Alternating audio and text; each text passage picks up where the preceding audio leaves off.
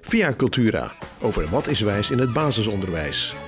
Waarmee vullen wij de rugzakken van onze kinderen, opdat zij uitdagingen in hun eigen toekomst en die van de samenleving met vertrouwen tegemoet kunnen gaan? En hoe belangrijk is taalonderwijs voor de persoonlijke en sociale ontwikkelingen van een kind richting volwassenheid?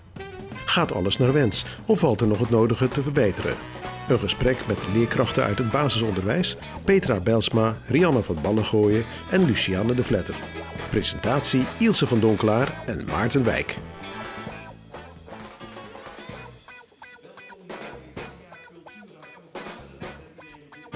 Welkom bij eh, Via Cultura. Het is warm, dus eh, jullie zitten waarschijnlijk eh, met je laptopje of met de radio op een balkon in de tuin of ergens op een strand of in het park. Ehm, wij gaan het uh, ondanks de warmte, hebben over het basisonderwijs. Hoewel, niet over het basisonderwijs, want dat bestaat eigenlijk niet. Het gaat over basisscholen. We hebben eigenlijk een wet, artikel 23 van onze grondwet, die zegt er is vrijheid van onderwijs. En dat betekent dat in principe elke basisschool op een andere manier les kan geven, op een andere manier invulling kan geven aan uh, ja, hoe voed je die kinderen langzaam richting volwassenheid op. Wat doe je met hun persoonlijke ontwikkeling? Wat doe je met hun sociale vaardigheden? En hoe ga je uiteindelijk ook toetsen of ze geschikt zijn voor welke verdere vervolgopleidingen?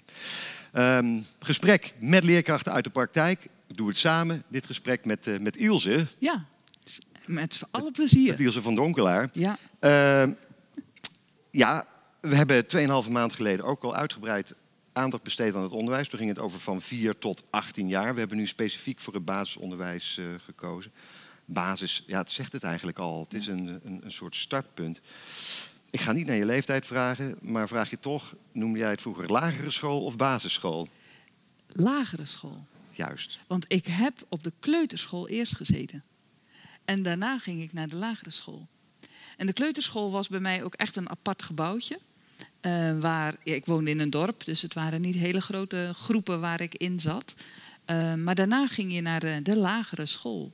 En dat was voor mijn gevoel ook echt daar ging het echt gebeuren. Zeg maar. De kleuterschool was leuk en spelen en wennen aan een groep kinderen waar je dan uh, mee speelde. Maar de lagere school, daar uh, ging het gebeuren. Ja. Had die school een signatuur? Ja, de, de, de, kleuterschool, daar ben ik eigenlijk zelf nooit precies achtergekomen, maar had wel iets te maken met uh, de kerkenraad. Dus ik denk dat dat toch een christelijke um, kleuterschool was. De lagere school heb ik op de openbare uh, school gezeten. Maar in de vijfde klas vond mijn moeder het toch wel welletjes, want de hoofdmeester, die had nogal losse handjes. En sloeg ook kinderen die naast mij zaten, en daar kwam ik ook mee thuis. Uh, met dat soort verhalen. En mijn moeder kende die verhalen, want ook mijn oudere zussen en broer hadden daarmee te maken. En toen zei ze: Mijn twee jongsten gaan naar de andere lagere school. En dat was de katholieke lagere ja. school. Heel andere school, um, andere methodes. Uh, we moesten daar schoenen uit, we moesten in, met pantoffeltjes lopen. Heb ik ontzettend aan moeten wennen. Ja, en had je het idee dat je ik weet niet of je dat überhaupt kunt als 12-jarige. Het idee dat je er ook alles hebt uitgehaald op die lagere school. Nou, ik heb ook wel regelmatig me toch afgevraagd. Uh, wat, wat doen we eigenlijk in deze klas? Want ik heb ook best wel uh, leerkrachten gehad die um, heel erg klassikaal les gaven van uh, iedereen dezelfde sommetjes, dus dictées heel veel. En dat deed ik braaf mee. Maar ik denk dat ik thuis meer leerde dan op school. Jongen. Dat denk ik toch wel. Waar ik wel heel veel van geleerd heb, uh, en dat vond ik toen het moment daar was minder leuk, maar van die wisseling van de ene school naar de andere school heb ik wel veel geleerd. Ook dat het niet, de wereld niet altijd maar één soort wereld is, zeg maar. Dat je ook een andere wereld hebt. En dat je daar dus ook aan kan wennen en uh, je plekje in kan uh, leren vinden. Juist. En jij? Ja, nou, dus, ja, in, in Hilversum ben ik uh, naar de Montessori school hmm. gegaan. Ook ah. eigenlijk volgens mij al vanaf de kleuterschool. Ja. En, en dan weet je niet beter, maar ik denk er nog steeds met ongelooflijk veel liefde aan terug. Ja. Niet eens per se aan, aan de leerkrachten, want er was ook wel zo'n leraar bij, of zo noem je dat, meester. Meester, die, een beetje eng was, maar de manier waarop je met zintuigen in aanraking kwam, eigenlijk met alles. Met ruiken, met zien, met horen, met lezen, met schrijven. Heel verbazingwekkend interessant. Eh, die hulpmiddelen eh, die je had. Ja. Het duizendblok, het, bord van Pythagoras, uh, geurflesjes, nou noem allemaal maar op. Ja, echt Montessori. En het gekke is dat ik dacht van dat is misschien wel heel erg normaal. Maar in de laatste twee jaar heb ik in Noord-Groningen gewoon in openbare klassikale lagere school nog les gehad. En daar was niets van dat alles. Nee. Daar stond gewoon een meester voor de klas met een aanwijsstok de, de, de kaart van Europa aan te wijzen. En ik als wijsneus die dat al lang gedaan had vanuit de bosatlas, die ik voortdurend als een soort autist thuis door zat te bladeren, wist alles al. Ja, het klinkt een beetje verwaand, maar ik heb niet het idee dat ik de laatste twee jaren iets geleerd heb. Nee, nee. En, Want sorry, school, onderwijs is natuurlijk ook heel erg van dat je mm, kinderen uh, dat laat leren wat ze graag willen leren, waar ze aan toe zijn. En individueel, uh, ja. de individuele ontwikkeling, terwijl dan in op je tweede school was het dus vooral die klassikale. Ja, en dan, dan merk je dat je met het, met het tempo van de klas meegaat. En die moeten dan bepaalde dingen nog kennelijk uh, onder de knie gaan krijgen, die ik dan al heb. Maar aan de andere kant, ik heb wel genoten van, uh, ja, toch van het groepsgevoel. Je vriendjes, je vriendinnetjes uh, op het schoolplein, de zon schijnt, net als nu.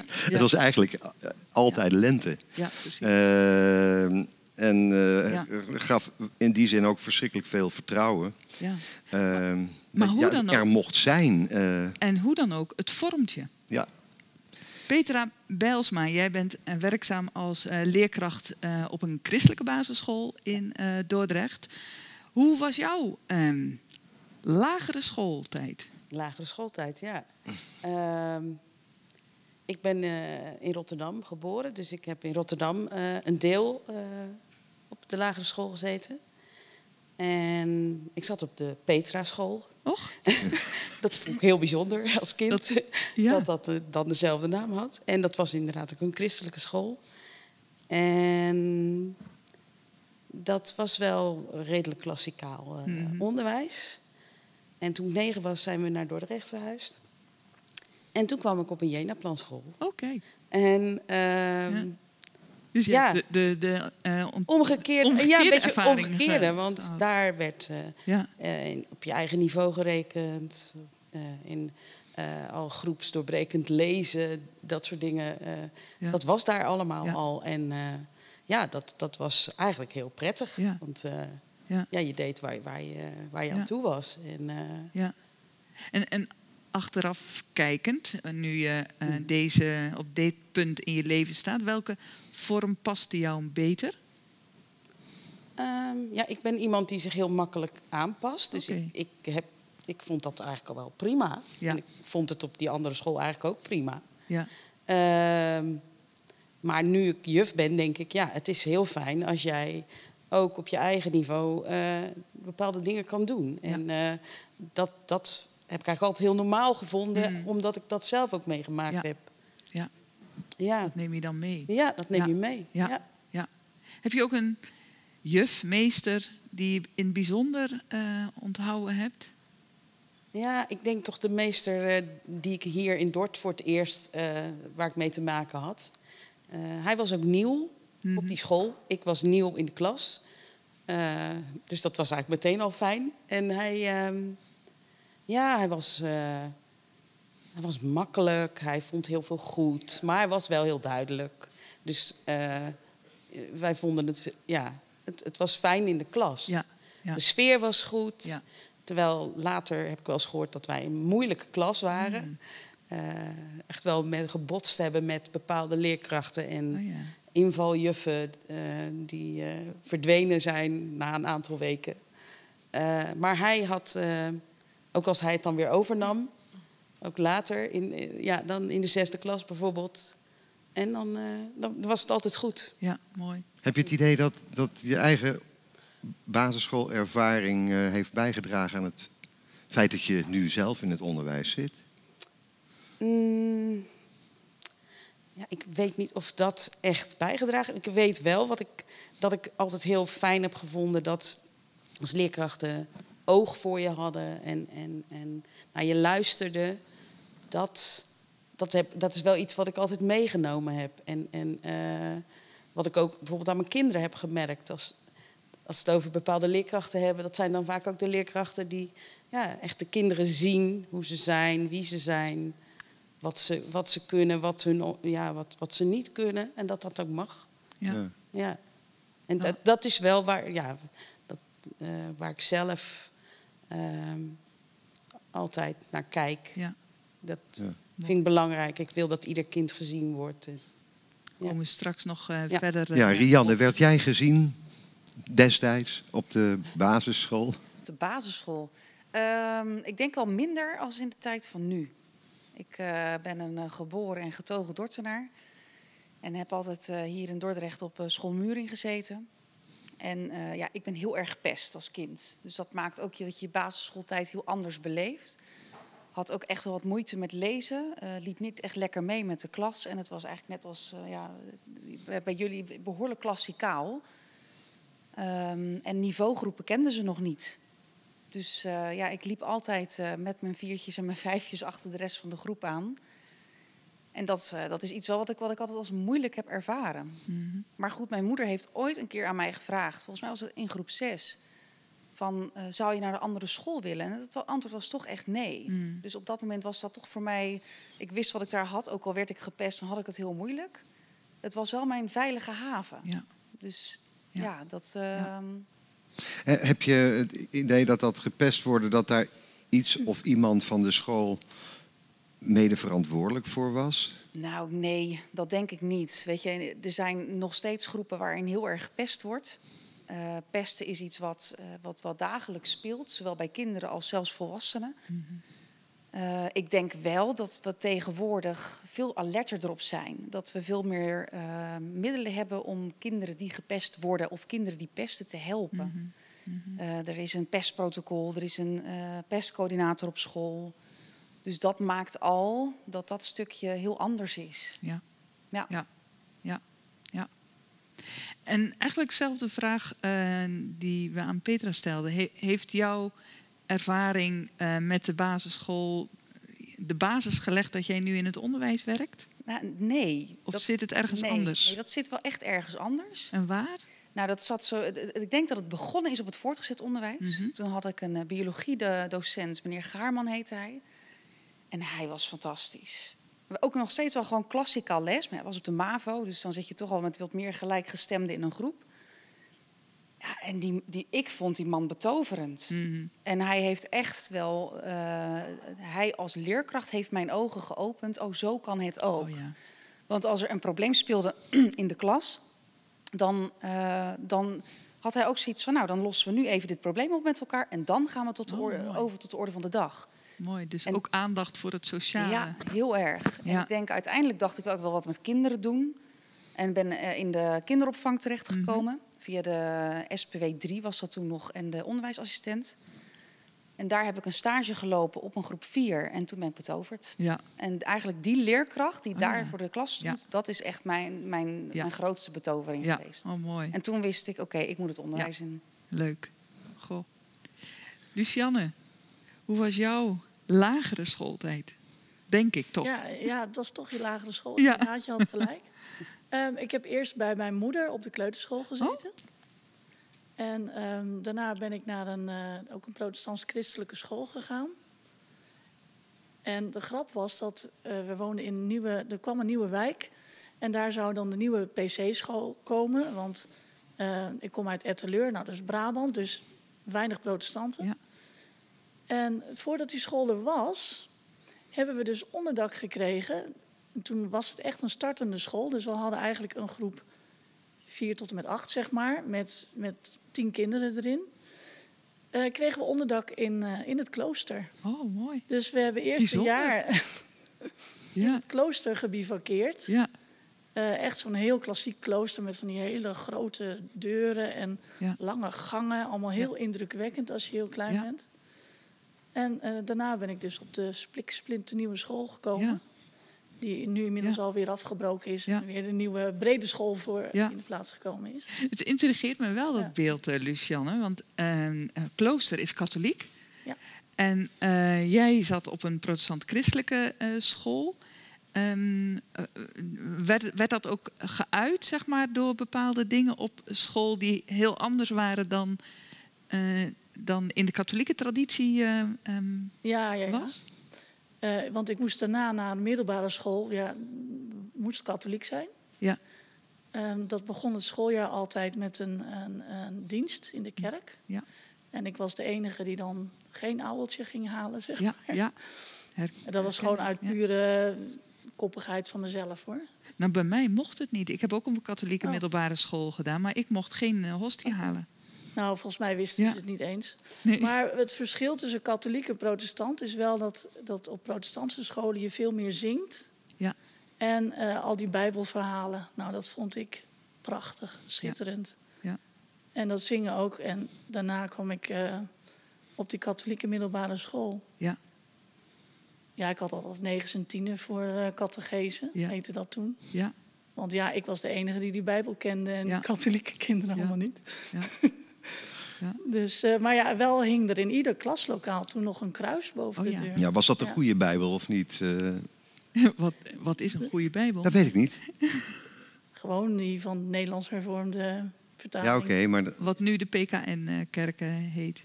Ik, ik zou het niet weten. Ik bedoel alleen te zeggen van als je ja. op een katholieke school... Uh, dan krijg je met de interpretatie van de katholieken te maken, toch? Of niet?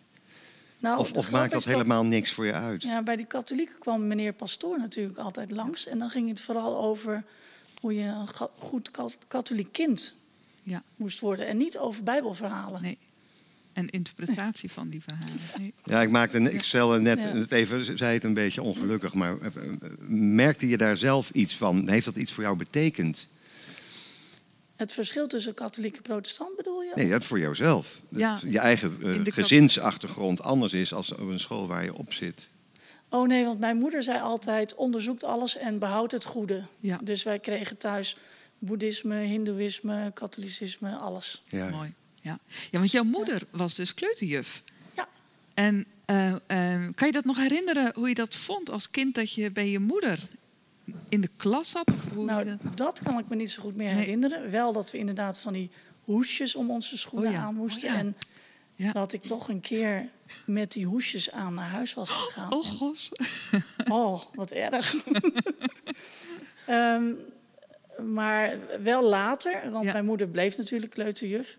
En als ze dan uh, Sinterklaas was, ja, dan kwamen Sinterklaas en Zwarte Piet zich bij ons verkleden. Dus ik was al heel gauw van mijn geloof af. Ja, ja. Want oh, ja. uh, s ochtends ja. vroeg kwamen dan die pieten binnen, ja. die moesten geflinkt ja, worden. En uh, daarna kwam Sinterklaas met mijter en al. En dan gingen ze s ochtends om zeven uur de deur uit bij ons. Afsluitende vraag voor jou. Um, hoe ben jij? Heb jij besloten dat je in het onderwijs wil werken? En met heel veel tegenzin. In, Oh, eerste instantie. Ik kom uit een onderwijsfamilie. Ja, dat dacht ik al. Dus dan ja. weet je hard werken, veel vergaderen, weinig verdienen. Ja. Uh, ook in de vakanties doorwerken. Dus eigenlijk wilde ik niet. Uh, dus dat heb ik jaren tegengehouden door allerlei andere dingen te doen. Toen werd ik zelf moeder. En binnen de kortste keren was ik de computermoeder, de leesmoeder, de MR-moeder. De, nou, al die moeders die normaal als vreselijk worden afgeschilderd in allerlei series en zo. Um, ik ben er gelukkig nooit in de OR terechtgekomen, okay. maar dat schijnt het hoogste te zijn wat je van, Van vreselijkheid. um, en toen dacht ik op een gegeven moment, ja, kom op, dit kan ik ook betaald gaan doen. Dus toen ben ik de verkorte Pabo Oh, wauw. Ja. ja. Mooi. En nu ben je werkzaam uh, op de Statenschool. Ja, ja. klopt. Ja. Jena-plan. Gaan we straks ook uh, meer over horen. Ja, Ilse, we, we, hadden een, een, een idee. Ja. We hebben alle drie gasten gevraagd om, uh, ja, om eens te kijken of ze een gedicht of een tekst zouden kunnen vinden waarmee ze hun gevoel met betrekking tot het onderwerp basisonderwijs ja. op een of andere manier uh, kracht kunnen bijzetten. Ja. En ik mag uh, Petra als eerste vragen haar gedichten pakken. Maar allereerst, want dan kan Maarten zijn gitaar erbij pakken. Waarom heb je voor dit gedicht gekozen? Wat, wat spreekt er uit dit, of een liedtekst is het, ik moet zeggen liedtekst.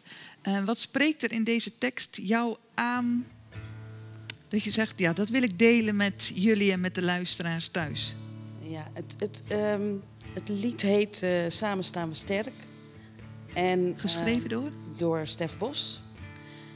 En samen, ja, daar zit zoveel in. Uh, als je samen dingen moet doen, dan moet je op elkaar vertrouwen. Je moet respect hebben voor elkaar. Je moet naar elkaar luisteren, je moet naar elkaar kijken.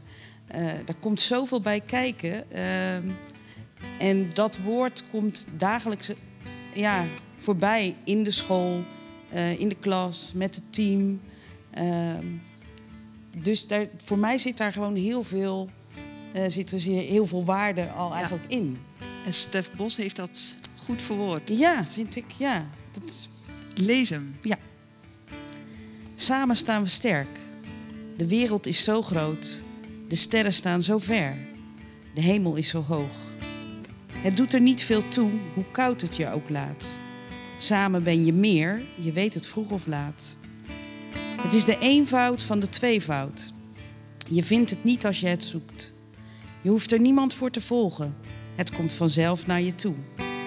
Het ligt onzichtbaar in jouw handen. Het is een godsdienst zonder kerk. Het is een volkslied zonder woorden. Samen staan we sterk. Mooi, dankjewel.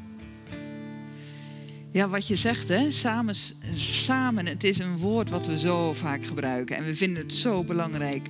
Maar hoe leer je kinderen wat samen doen is? Wat, wat dat betekent, samen zijn we sterk? Is dat iets wat jij als waarde meeneemt in jouw werk als leerkracht? Ja, dagelijks eigenlijk. Mm het is, uh, Neem ja. ons eens mee in een voorbeeld. Ja, het zit hem in hele kleine dingen. Het begint eigenlijk al s ochtends vroeg uh, um, elkaar gedag zeggen. Uh, het begroeten bij de deur, maar kinderen ook onderling. Uh, eigenlijk al meteen elkaar helpen. op je beurt wachten. Kijken. tegenwoordig moeten ze natuurlijk allemaal eerst de handen wassen. Ja. Nou, keurig netjes. Samen handen, samen, samen handen ja. wassen. maar wel keurig op je beurt wachten. Het Ja. is allemaal ja.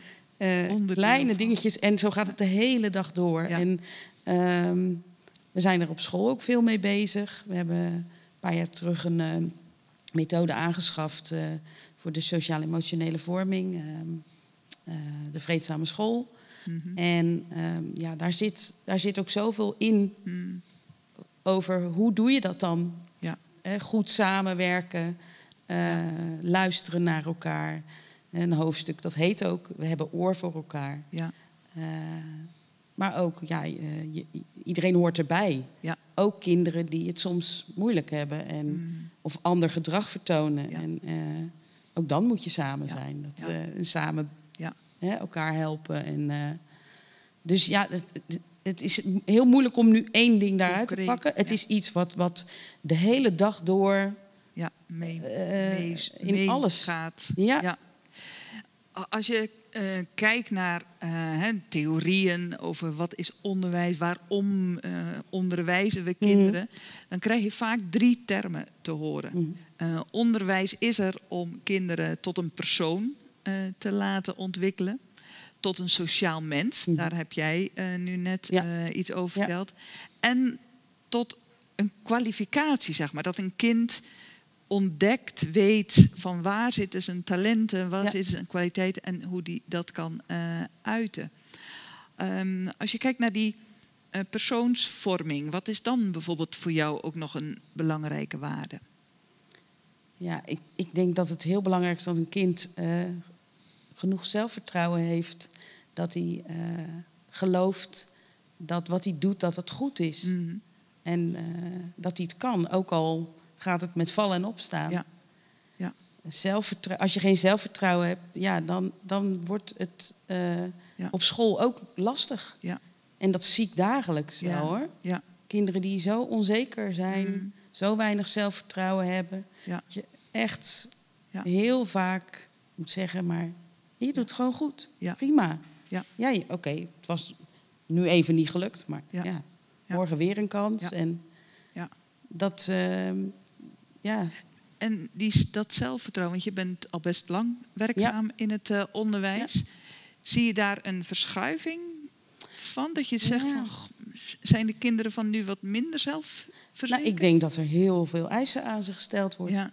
En, niet, en niet alleen op school, maar ook daarbuiten. Mm. In, in alles wat ze doen, wordt ook ja, door ouders ook veel van kinderen verwacht. En als kinderen ja, bijvoorbeeld moeite hebben om met een vak mee te komen, dan hebben ouders daar moeite, uh, ja, toch moeite mee soms. Alsof zeg maar een persoonsvorming is dat je presteert. Ja. Dat je, ja. dat je die. Ja, en, en dat, dat, ja, dat uitzicht dan ook wel. Ja, in, hè, dat ouders dan ook aan kinderen vragen: van, Heb je je best gedaan? Ja, tuurlijk heb je je best gedaan. Ja, precies. Dat, uh, daar twijfel ik niet aan. Nee. nee. En, gaat het daar dan alleen maar over? Ja, ja. ja. Ja. Kijk, de, de insteek. Uh, mijn eerste insteek is dat een kind uh, een fijne dag gehad heeft. En met een goed gevoel naar huis gaat. Ja. Dat, is, dat is het allerbelangrijkste. Ja.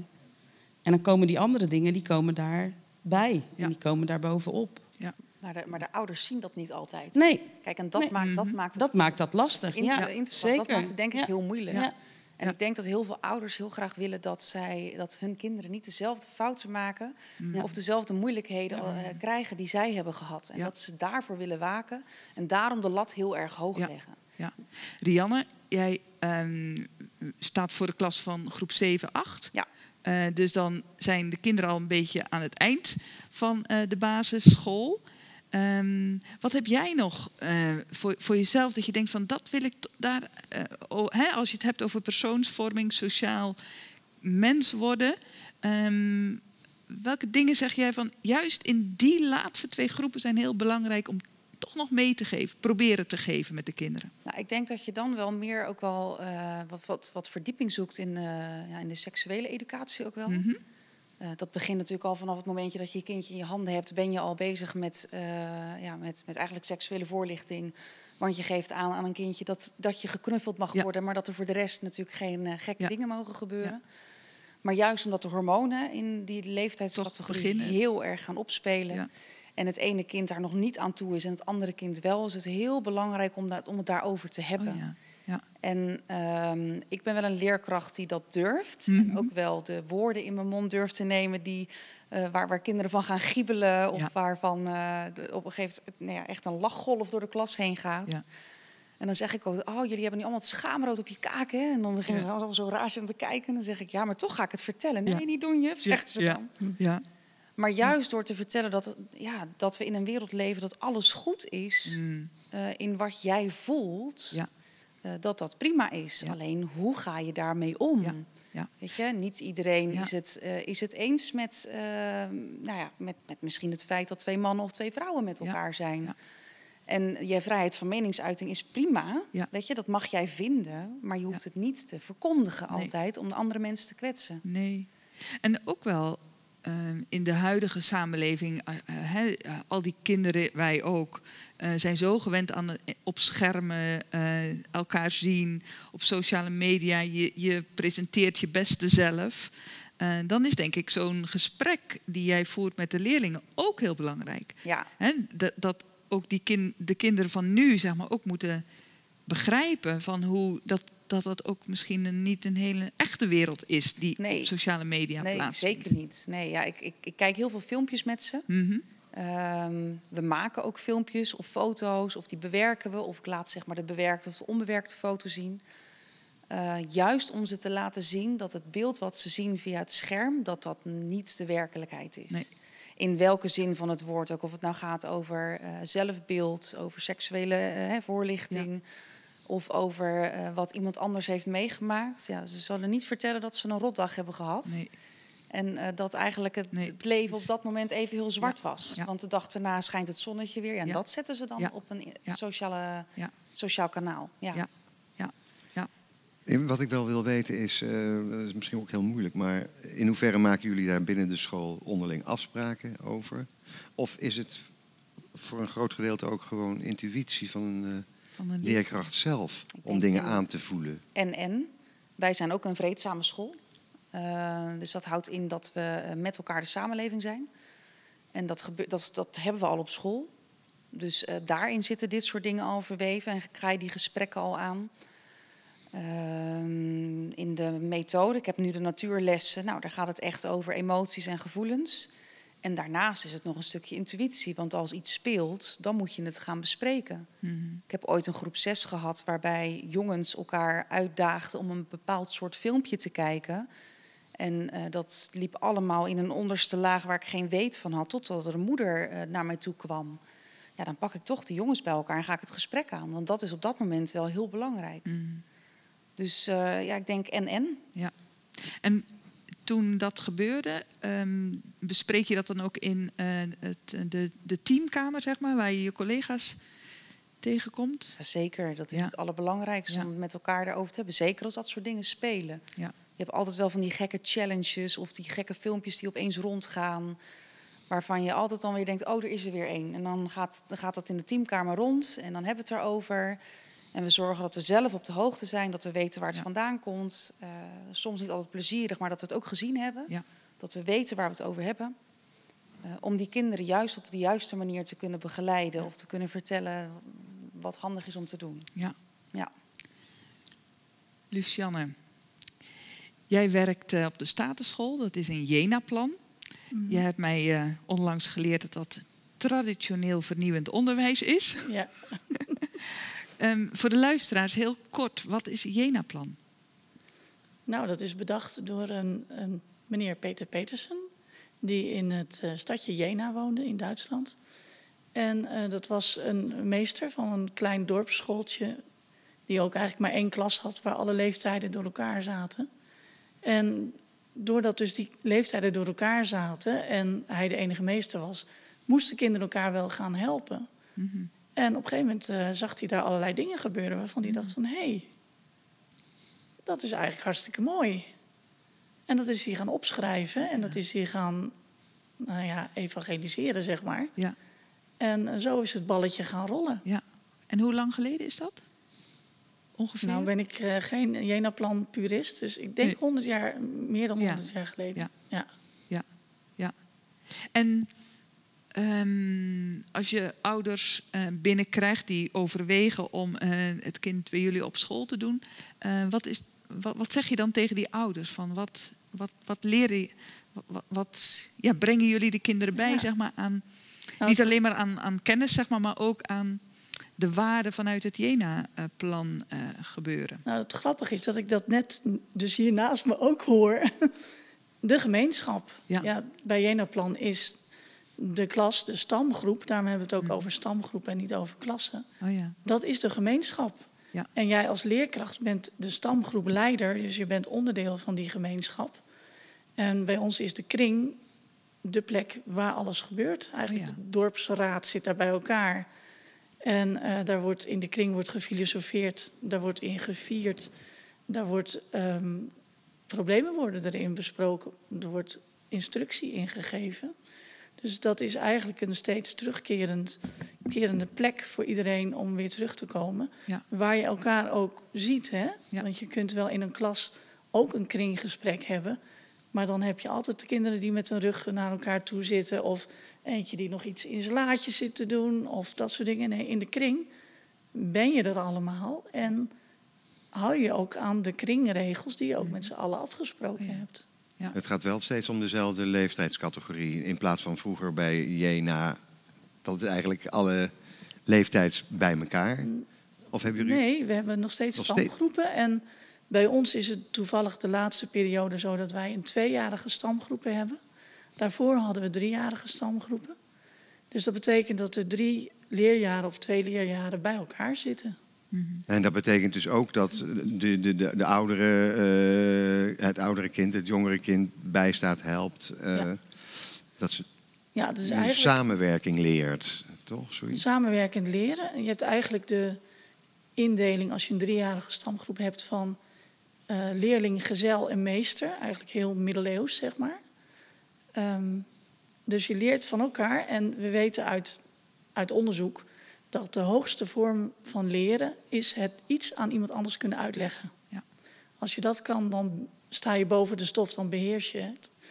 Dus daar zetten we dan ook uh, de kinderen voor, mm. voor in. Mm -hmm. Maar we leren ze ook hoe ze elkaar moeten helpen. Ja. Ja. Is dat, gebeurt dat, uh, zijn ze zich expliciet nadrukkelijk bewust van dat ze die rol spelen? Of is het jullie didactische gedachte? Nee hoor, dat weten ze heel goed. Dat weten ze heel ja. goed. En eigenlijk, um, ja, dat zeggen wij altijd.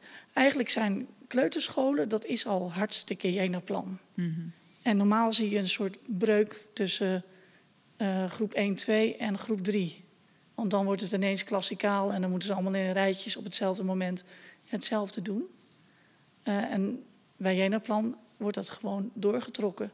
Ja. Dus in plaats van dat je in groep 3 al die zelfstandigheid van die kleuters mm -hmm. afleert, mm -hmm. blijven ze dat gewoon houden. Ja. En wordt die zelfstandigheid alleen maar door de jaren heen groter. Want je, hè, je zegt van we zien het, een stamgroep zien we als een gemeenschap. Hoe uh, zijn die individuele kinderen daar binnen, zeg maar? Uh, zijn ze, uh, mogen ze zeg maar individu zijn? Of moeten ze uh, altijd ten dienste van de groep zijn? Nee, dat is juist het mooie. Iedereen mm -hmm. wordt geaccepteerd zoals die is. Mm -hmm. En wij hebben, om even een technische term te gebruiken, maar wij hebben de hoogste schoolweging binnen OPOT. Dus dat betekent dat wij, uh, als je kijkt naar wat voor kinderen er in de klas zitten, dan hebben we de meest uiteenlopende range die je kan hebben van kinderen die heel veel ondersteuning nodig hebben naar kinderen die helemaal geen ondersteuning nodig hebben. Uh, dat maakt het dat het ook heel veel eisend is voor leerkrachten. Hè? Mm -hmm. Want wij worden opgeleid om op drie niveaus te differentiëren. Nou, als je zo'n grote schoolweging hebt, dan moet je wel op zes niveaus differentiëren. Maar juist omdat die kinderen elkaar kunnen ondersteunen, uh, is het toch behapbaar voor leerkrachten. Ja, ja. Ja. is eigenlijk ook.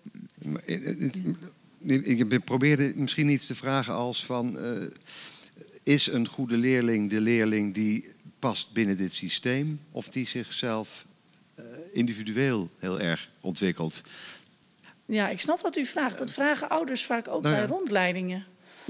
En uh, wij zijn een binnenstadsschool. En dat betekent dus ook uh, dat er mensen zijn die bewust voor het concept kiezen en hun kind bij ons op school doen. En mensen die gewoon, ja, dat is de school aan de overkant. En toch leren die kinderen allemaal met elkaar leven, die ouders ook. Uh, kinderen spelen met elkaar.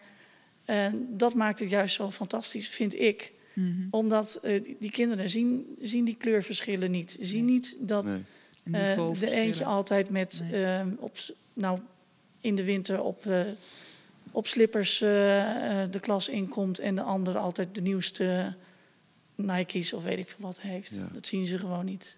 Zometeen gaan we praten over hoe je kinderen uiteindelijk beoordeelt om ze zodanig voor te sorteren dat ze maximale, op de maxim, of optimale plek terechtkomen om door te schieten naar het voortgezet onderwijs. Voor we dat gaan doen, ja. Rian. Mag jij? Je mag een, uh, Maarten gaat, iets voordragen. Ja. Maarten pakt zijn gitaar Ik pak erbij. mijn gitaar er weer bij. En dan om ga ik aan jou vragen, Rianne, um, wat je hebt gekozen en waarom je dat gekozen hebt. Waarom wil je dat delen met ons en met de luisteraars thuis? Nou ja, toen ik uh, de vraag kreeg om een tekst te zoeken, toen uh, ik heb namelijk dit boekje, Versjes van een moeder, heb ik ooit gekregen van een vriendin van mij. Die was toen al moeder en die gaf het aan mij toen ik zwanger was. Ja. En ja, daar staan hele prachtige dingen in over nou ja, het pasgeboren kind, maar ook over de ontwikkeling van kinderen. Oh ja. En nou, dit gedichtje, het heet ook Plusklasje. Um, ja, dat gaat voor mij zo over dat we kinderen in, in hokjes willen stoppen. En, ze, en, en, en dat wij van ze verwachten dat ze een bepaalde richting op gaan. Hmm. Maar dat het hart van het kind eigenlijk niet meer spreekt. Oké. Okay. En dat vond ik, tenminste, dat is wat ik eruit ja, lees. Dus, jij uh, wil dat harten van kinderen spreken. Ja, dat is heel belangrijk. Ja. ja. Lees voor. Er is geen plusklasje voor de kinderen die heel lief zijn voor elkaar. Geen sterboekje voor kinderen die snappen anders, dat is niet raar. Geen rugzakje voor kinderen die al heel goed helpen kunnen. Geen methode voor de kinderen die elkaar tranen kunnen stelpen. Voor de kinderen die heel goed zijn in sporten of een koprol. Voor de kinderen met ideeën en daarvan hebben ze dan hun kop vol. Voor het kind dat goed kan koken of kan stunten met zijn fiets. Of het lief zijn voor een oma. Of betekent dat soms niets? De rugzakjes, de plusklasjes, de sterboekjes, de tijd. Alles in een vakje. Maar het kind, dat raak je soms kwijt. Ja. En jij wil ervoor waken. Zeker. Dat we de kinderen niet kwijtraken. Nee. Dat we ze in een, op een, een eigen podium hè, kunnen geven en dat ze die ook durven nemen. Ja, zeker. Plek krijgen. Ja. Out of the box denken. Dat ja. doen volwassenen vaak niet meer, maar kinderen wel. Klopt. Ja, we gaan het in uh, dit laatste blok van het eerste uur ja. hebben over kwalificatie. Ja, dan wilde ik toch weer even bij Lucianne, uh, waar we net eindigden, weer beginnen. Uiteindelijk um, is natuurlijk een, een ieder wezen een, uh, uniek. Met een bepaalde persoonlijkheid, met een bepaalde sociale bagage en met een bepaalde intelligentie en vaardigheden en noem maar, op. Bij jullie onderwijs in het Jena-plan staat juist die samenwerking, eh, eh, eh, de groep centraal. Betekent dat dat ook automatisch dat een kind die dat goed beheerst anders of beter of op een bepaalde manier wordt beoordeeld? Het is misschien een herhaling van de vraag die ik net stelde, maar. Nou, dat is een beetje. We hebben natuurlijk de verplichtingen die van bovenaf opgelegd worden. Hè. Bij ons doen ze ook gewoon een CITO-toets. Alleen in onze advisering, en, maar dat doen jullie ook, uh, neem je het hele kind mee. En niet alleen maar zijn CITO-prestaties van de laatste tijd, maar gewoon vanaf de kleuters. Uh, als kinderen bij ons op school komen, dan krijgen ze het rode boek. Mm -hmm. Dat is een leeg boek. En uh, daar mogen ze dan iedere keer werkjes of teksten of okay. tekeningen, noem maar op. Die voor hunzelf belangrijk Die voor hunzelf belangrijk zijn, die plakken ze er dan in. En ja. dat boek gaat de hele loopbaan mee. Okay. En we gaan wel digitaliseren, dus we gaan naar een e-portfolio toe. Maar daar zijn we nog niet helemaal. Nou, ik vind eerlijk gezegd de papieren versie ook heel ja. erg mooi. Nou, dat is ook zo. Want het ja, leuke is dat als ze dat je, boek je hebben... ruikt het, je voelt het wordt misschien een beetje... Uh, um, hoe heet dat? Als, als er iets van geverfd in zit, dan wordt het een beetje ja, het wordt echt zo'n boek het wordt een dik moment. boek. Ja. En het leuke is dat ze dan, als ze dan weer iets nieuws erin gaan plakken... Ja. Dan gaan ze er zelf ook in bladeren. Oh ja, en ja. soms van, en terugkijken. Jeetje, ja. hoe ik tekende in groep drie. Ja. Weet je? Dus dan gaan ze ook al reflecteren op zichzelf en op hun eigen geschiedenis. En bij elkaar kijken. En dat, dat maakt het wel heel erg leuk. Ja, zeker. Ja. En um, ik kan me ook voorstellen dat soms, sommige kinderen dat iets minder makkelijk kunnen maken, zeg maar. Of ja, maar en er zijn helpen daar ook dan weer de andere kinderen bij en de juffen. En ze zijn daar vrij in, hè? want het is hun keuze voor hun werk. Ja. Ja. En de een die wil, um, die, typt iets op de computer en die print het uit, ja. plakt dat erin. Ja. En de ander die heeft uh, van de excursie een mooi blad meegenomen, dat droogt hij, dat plakt hij erin. Ja. Ja. Dus, Maar kinderen leren bij ons wel, bijvoorbeeld ook met kunstzinnige vorming, mm -hmm. om elkaar feedback te geven oh, en te reflecteren op je werk. Maar dat gaat dan vooral op het proces. En niet van, oh, jij hebt een mooie tekening nee, gemaakt. Of het mooi is of niet, of ja. kwaliteit heeft. En het leuke is dat ze dat ook heel goed bij elkaar kunnen zien en benoemen. Hè? Ja. ja. En waarderen ook van elkaar. Ja. ja. Ja, dus eigenlijk naast, en dat hoor ik inderdaad ook in alle verhalen, naast dat, dat kinderen kennis moeten leren, zeg maar, op uh, de basisschool, moeten ze ook een aantal sociale vaardigheden leren hè, als kwalificatie om in later um, hun rollen te kunnen spelen, wat die rollen ook zijn. Hè, ieder mens heeft verschillende rollen te vervullen: moeder, um, werknemer, uh, vriend. en dan is het ja, interessant om te kijken inderdaad van wat geef je nou, wat geven die, die leerkrachten uh, nou mee aan die kinderen, zodat ze met een bepaalde kwalificatie aan de middelbare school deel kunnen gaan Ik denk dat dat ook te maken heeft met wat wij als leerkracht op de PABO als basis meekrijgen. Mm Luc Stevens, de behoefte aan competentie, relatie en autonomie. Oh ja. En dat heeft ieder kind, maar dat heeft ook iedere volwassene. Ja. En als je daaraan voldoet, dan, ja. Uh, ja, dan krijg je gewoon een mens wat zich goed kan ontwikkelen en zich goed kan handhaven. Ja. Zeg ze nog eens, uh, Lucianne? De behoefte aan relatie. Relatie. Competentie. Ik kan iets. Mm En autonomie. Ik doe het op mijn manier. Ja, ik heb zelf invloed erop. Ja. Petra, herken je die uh, begrippen? Die drie? Ja, ik, ik heb alleen geen pabo gehad. Ik ben nog echt van een, kleuter, van een kleuteropleiding. Dus in die tijd uh, hadden wij andere boeken. Maar het, het, ja, dit, dit zijn wel gewoon uh, de bekende begrippen. En uh, ik, denk dat, ik denk dat we allemaal proberen om kinderen zover te krijgen aan het eind van groep 8. Ik denk dat dat ook, dat dat ook de opdracht ja, en jij staat aan het begin. Jij staat aan het begin. Van ja, ik heb groep drie uh, nu. Maar ik ben eigenlijk kleuterjuf. En uh, ja, dan is het heel uh, verschillend. Hoe komen ze binnen? Ja. Hier, en bij uh, Jena-plan een hele duidelijke strategie om tot die groepsvorming te komen. Ja. Wij zijn en gewoon hoe... veel meer een tra meer traditionele basisschool. Maar ehm, kijk, ook al geven we ook klassikale lessen er is heel veel ruimte, juist voor alle ja, verschillen, diversiteit. Wij hebben, onze populatie is ook heel divers. Met wat kinderen meebrengen van thuis al. En wat hun basisstart is in groep 1.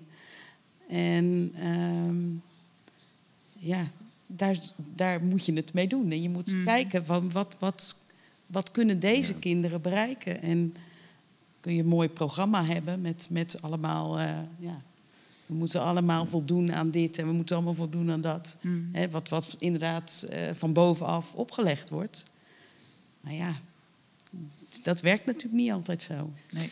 Ja, we, eh, de uitzending van 2,5 maand geleden borrelde er een vraag op die niet helemaal volledig beantwoord werd. Die werd gesteld toen aan de wethouder, Peter Heikoop. En die wil ik ook eens aan jou stellen. Dat is best lastig. Jullie zijn een, een christelijke school. Ja. Dat wil zeggen een categorale school. Uh, want het gaat mij even niet om of het een christelijke school is, maar daar zit een bepaalde levensfilosofie uh, ja. achter. Ja. betekent dat dan ook dat je kinderen op die wijze beoordeelt of, of, of stuurt? Oh in hun persoonlijke ontwikkeling? Nou, stuur, dat vind ik, dat vind ik heel. Uh, we zeggen een lastig woord. Zoals misschien soms mensen ook die niet vanuit deze mhm. groep, zeg maar, um, uh, ja, in deelneemt, er tegenaan kan kijken.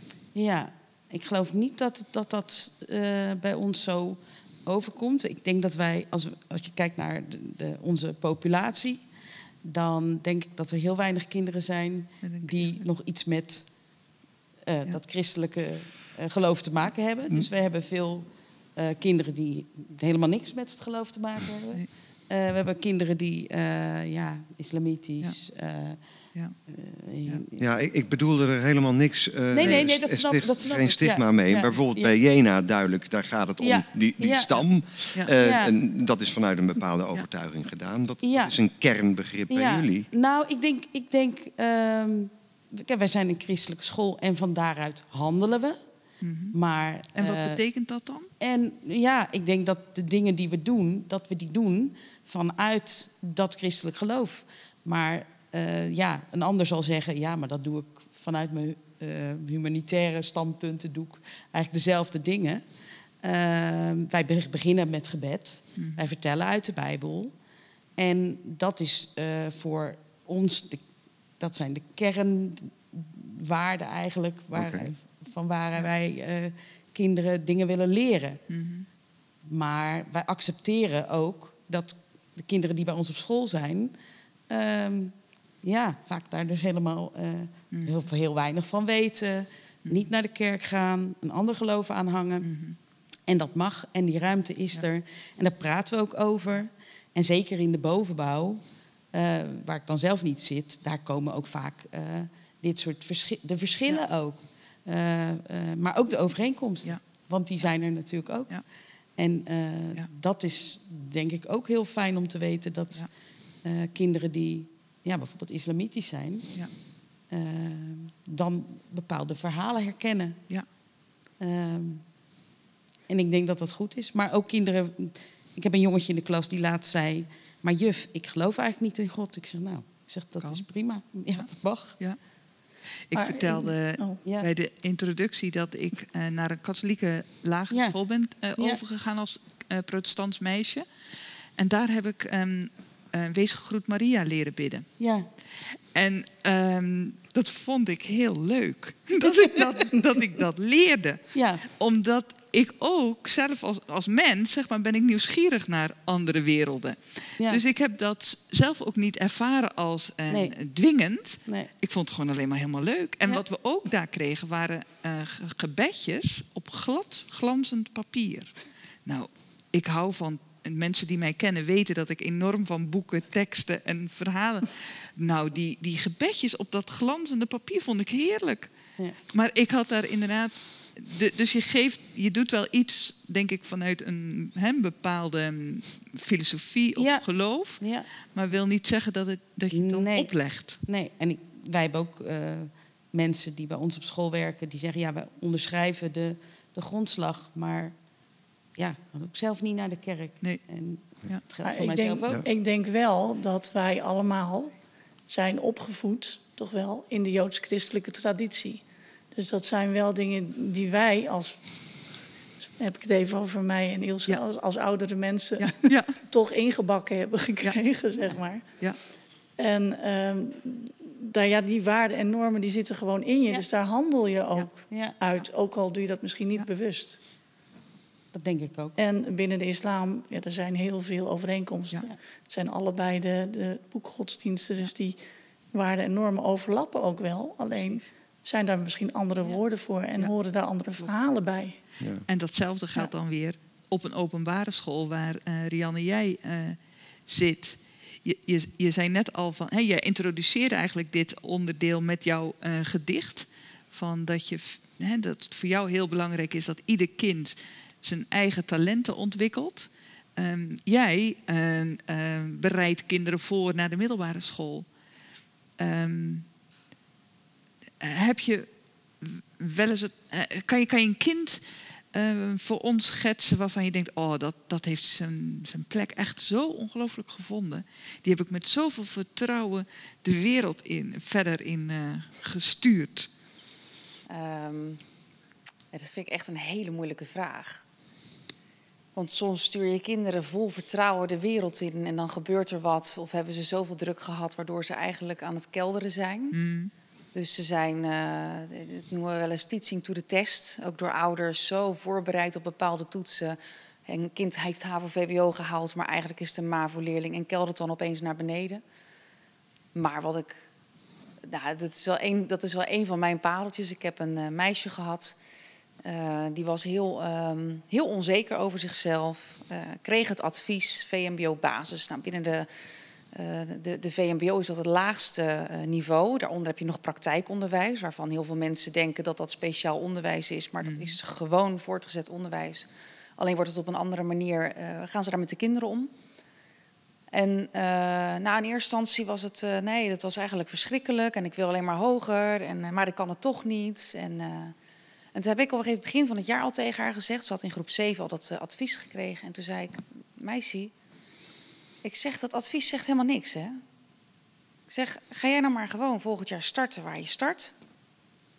Ik zeg, wees relaxed en het komt wel goed. Op dit moment doet zij uh, bepaalde vakken al op gemengde theoretische leerweg. En ze blijft op dezelfde school zitten, maar ze kan dadelijk wel examen gaan doen. Ja met dan bijvoorbeeld niet alle vakken, maar wel bepaalde vakken op die gemengde theoretische leerweg. En dan staat ze nu voor me en dan uh, zit ze met uh, trots te vertellen wat ze kan. Ja. En dan denk ik, ja, zie je, dat, hok, dat hokje, dat, heeft, dat zegt niks. Nee. Dat hokje belemmert jou. Je moet het breder zien. Ja. En, en uh, ja. dat probeer ik ze dan wel mee te geven. Mooi. Ja. Ja. Ja. We zouden dit uur ook nog even hebben over dat, dat, dat, dat, dat, dat, dat klinische toetsen wat kennelijk moet gebeuren, de CITO-toets. En relatie tot je eigen intuïtie van waar een kind staat. Observatie. Petra, van, ja. ja. Botst dat? dat? Nou, dat botst wel eens, ja. ja. Het is ook... Uh, soms ook, ja... Het is bijna soms niet eerlijk naar een kind toe als je dan zo'n kind aan het toetsen bent, je ziet dat hij het heel moeilijk vindt. Uh, echt, uh, je ziet gewoon aan het blik in de ogen van een kind.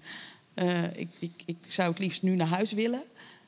En als je dan de scores ziet, daar word je dan zelf ook heel verdrietig van. Maar wat, ja, wat zegt het dan over dit kind? Eigenlijk, dit weet je eigenlijk al. Je weet al dat dit kind dat vak lastig vindt. En er komt gewoon nog een keer, bam, gewoon een soort ja, klap bovenop. Een soort hamer die zegt, ja.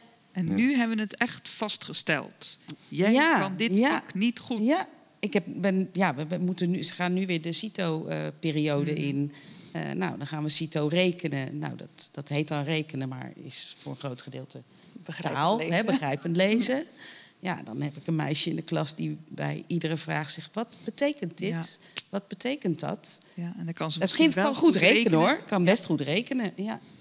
ja. En dat, uh, dat is heel frustrerend. Ja. ja.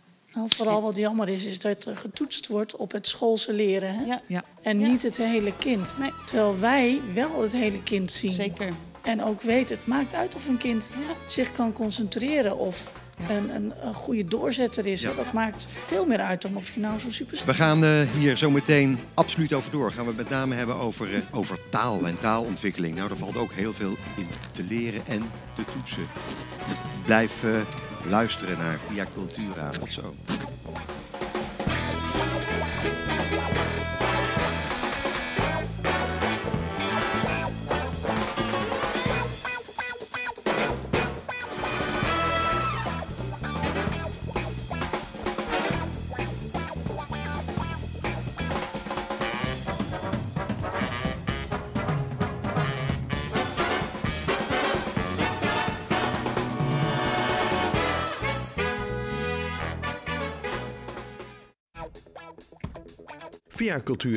Over wat is wijs in het basisonderwijs.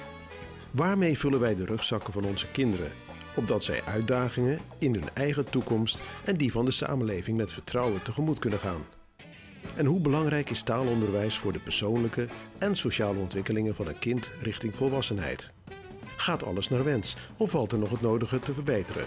Een gesprek met leerkrachten uit het basisonderwijs, Petra Belsma, Rianne van Ballengooien en Luciane de Vletter. Presentatie Ilse van Donklaar en Maarten Wijk. Welkom terug bij uh, Via Cultura. Leuk uh, dat, uh, dat jullie nog allemaal zitten. Zo'n verschrikkelijk belangrijk onderwerp, basisonderwijs. het eerste uur hebben we meer in filosofische zin gekeken. ja, hoe, hoe, kijk je nou eigenlijk aan tegen persoon, persoonlijke vorming, het sociaal gedrag van kinderen? En dan blijkt toch eigenlijk dat een heel belangrijk voertuig voor dat hele proces gewoon domweg onze eigen taal is. Kun je als kind uitdrukken, kun je kennis tot je nemen via de taal. Um, daar gaan we over, uh, over door. Taalontwikkeling, Ilse. Ja. Jouw eerste boek. Ja, dat heb, we, heb ik bedacht zeg maar, voor deze uitzending, maar dat weet ik niet.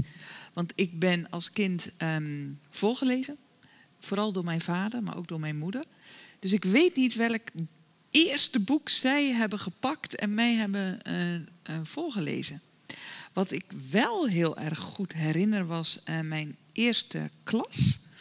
Um, we, gingen, we hadden, zaten eerst in een oud gebouw en toen kregen we een nieuw gebouw. En we mochten allemaal met ons stoeltje van het ene gebouw naar het andere gebouw lopen. En ik herinner mij gewoon nog heel goed het moment dat we dus in die nieuwe klas zaten. Ik keek om mij heen en ik zag allemaal platen hangen met boom, roos, vis. Ik vond ze mooi, die tekening. En ik wist ook, hier ga ik het leren lezen. Ik ben nummer vijf van uh, zes kinderen. Dus ik had een aantal uh, zussen en broer boven mij die het al lang konden. En nu ging ik het leren. En ehm, die fascinatie heb ik eigenlijk altijd gehouden. Ik heb het voor mijn gevoel vanzelf geleerd. Leren lezen en ook leren begrijpend lezen. Want dat was in mijn tijd nog niet apart. Belangrijk van huis uit dingen meekrijgen al direct van de start? Of is het toch echt een taak geweest van de school? Nou, ja, bij ons ja, was lezen altijd aanwezig. Mijn ouders lazen de krant, lazen zelf. Mijn moeder bijvoorbeeld, uh, die um, was gewoon een ge gewoonte dat na het eten um, ruimden wij kinderen uh, de boel op. En zat zij in haar stoel te lezen. En wij wisten dat wij gewoon haar niet op dat moment mochten storen. Deden we ook niet. Uh, dat was haar tijd. Ze was moeder van een groot druk gezin en dat was haar tijd, leestijd. Dus mijn vader ook, die las uh, van alles. Uh, wij werden lid gemaakt van de bibliotheek, een heel klein bibliotheekje in ons dorp. Ehm, dus lezen was voor ons taal, was zo'n vanzelfsprekend belangrijk ding. Ja. Ja, en bij jou? Ja, ik neem aan dat ik uh, ook heel veel ben voorgelezen. Uh, dat staat me niet meer zo verschrikkelijk bij, maar dat kan haast niet anders. En mm -hmm. uh, met Sinterklaas kreeg ik, zelfs toen ik geloof ik nog in de Goed Heiligman geloofde, al boeken. Ja, ja De zeker. Gouden Reeks, de Gouden Sinterklaas Boekjes. gaf ons ook boeken. En het eerste boek Kerst. wat ik zelf ja. las, en ik, ik, ik, zie me nog liggen in mijn pyjamaatje, met mijn duim in mijn mond waarschijnlijk aan het lezen. Het grote boek van Jan Willem. Mm -hmm. zeg mij niks. Een jongetje, Jan Willem, die waarschijnlijk, uh, en met illustraties erbij, die waarschijnlijk even oud was als ik toen was. Hoe oud zou dat zijn geweest? Zes misschien? Ja, kan dat? Ja, kan. En het eerste hoofdstukje, Jan Willem leert fluiten. Fluiten? Die, hoort, die lag in zijn bed en die hoorde een mereltje fluiten. En dat wilde hij gaan nadoen.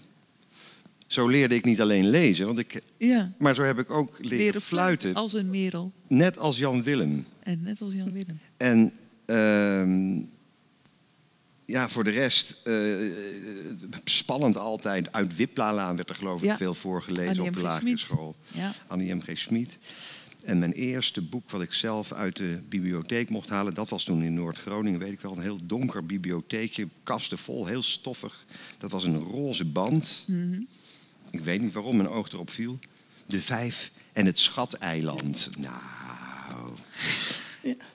En de Vijf. En de je Vijf heel heb ik veel boeken. alles. En ik, de, ik was alleen maar bezig vervolgens overal in die boekenkast te zoeken naar andere delen van Edith Blyton. Uh, Ja. Later kwamen er de Pimpandoers en de Chameleons, uh, alle standaardwerken. Maar ze hebben me gewoon enorm uh, verliefd gemaakt op lezen, tot op Ja. de dag van vandaag. Ja.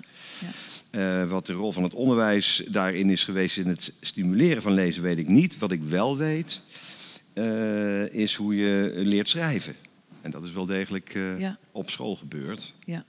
Met Dat weet je letters nog. bij Montessori. Ja, Oh ja, je hebt zat natuurlijk op Montessori En, school. en, eh, en ontleden door zinnetjes te knippen, op een bord leggen met een pijltje onderwerp gezegd, een bijvoeglijk naamwoord, al dat soort dingen. Dat kregen we al in de vierde klas, Ja. nu groep zes. Ja, Veel aan gehad. ja, Maar toch ben ik altijd een beetje taalblind gebleven. Woordblind moet ik zeggen. Ja. DT'tjes, dat eh, leerde ik wel, maar het ging nog wel eens fout. Een kwestie van oefenen, denk ik. Toch, Petra? Ja, dat denk ik zeker wel. Veel doen, hè? Veel Ja. doen. Veel doen. Ja. Hoe, hoe, hoe, hoe- wat, wat heb jij met lezen, met taal? Ja, ik lees... Van kinds af aan? Ja, van kinds af aan ehm, werd bij ons thuis ook eh, toch wel veel gelezen.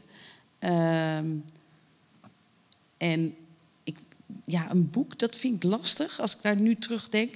Wat me wel eh, in mijn gedachten schiet is... Ik, wij eh, logeerden vaak bij mijn oma in Zeeland... En daar stonden nog hele oude boeken. En daar stonden ook de, de WG van de Hulst, Ja. de boekjes. Ja, ja. En eh, die, ja, die vond ik op de een of andere manier vond ik die super spannend. Als ik ze nu lees, denk ik, ja, hmm, ik weet niet. Ja. maar daar heb ik er heel veel van. Of, of dat ze voorgelezen zijn, dat zou ook nog kunnen. En toen ik eenmaal zelf kon lezen en toen wij hier, eh, ook hier in Dordrecht woonden, dan ehm, heb, kreeg ik een eh, abonnement eh, voor de bibliotheek. En ik ging, iedere week ging ik zes boeken halen. En, ja, die, waren dan echt in, in no time waren die uit. En ja, eigenlijk vond ik het dan jammer dat ik pas dan weer een week later eigenlijk terug kon. Omdat ik ja, gewoon zoveel mogelijk... Ja uh, boeken eigenlijk. Uh, die, uh, die, de vijf, dat, dat herken ik ja, wel. Ja. Die, ja. dat is spannend, hè? Ja, heel spannend. Met ja. die en, en ook boeken, boeken herlezen, hè? Ja, maar wat ik in de vijf, want ik heb ook de vijf gelezen. Lucianne heeft ook de vijf gelezen. Nee. Rianne, jij niet? Nee, nee ja, ik herken het wel van, van mensen die het erover gehad hebben, maar ik heb geen idee. Super. Maar wat ik ook leuk vond aan die boeken was juist ook weer met een groepje samenwerken, dingen doen. Ja. dus je was daar niet alleen, zeg maar. Je werd meegezogen in een groepje. Ja. ja. Maar ik ben ook dan iemand die. Ik lees nogal snel. Mm Dus dan lees ik hem de eerste keer en dan denk ik: oh, een tof boek. En dan ga ik hem daarna nog een ja. aantal keren lezen. Gewoon. Ja, ja uh, voor de lekkerte, hè? Ja, voor de lekkerte. Dat, dat, en sommige boeken, dat blijft gewoon. Ja, ik weet niet. Ja. ja. Ik herken hier niks van. nee, nee. Heb je wel eens een boek gelezen? Ja. Nee, nog nooit. nou ja. Nee, ik, uh, ik heb heel veel moeite gehad met lezen. Ik heb uh, niet een hele makkelijke jeugd gehad. Mm -hmm. Al vanuit uh, gewoon de gezinssituatie. en ja, mijn moeder heeft altijd gewoon heel hard moeten werken. En ja, tijd voor voorlezen, of, dat, dat, dat was er ook niet zo. En op school werkte dat ook niet, niet zo lekker. En uh, ik kreeg uh, extra werk mee om maar goed te kunnen lezen. En dan, het, het, lezen was een soort van stom. Opdracht ook misschien. Ja, ja. ja. Nou, en ik, ik weet wel dat ik op een gegeven moment... Uh, werden we voorgelezen door mevrouw Broeders. Dat is wel mijn, mijn heldin van de basisschool. die las Mathilde voor. Mm -hmm. En, Roald Dahl? ja, Roald Dahl. En ja. die schrijver heeft wel op een gegeven moment de, de, de leeskriebels... Um, laten opbloeien. Maar ik, ik denk dat ik meer binnen de taal naar het, het, het, het, het, het, het, ja, het uitbeelden, het vertonen van taal. Niet per se het boek, maar juist het theater, het toneel, um, ja, weet je, gedichten, muziek. Dat, dat past veel meer bij mij. Ja. Dus ik heb daar veel meer in, uh, ja. Ja. in, me in ondergedompeld. Ja.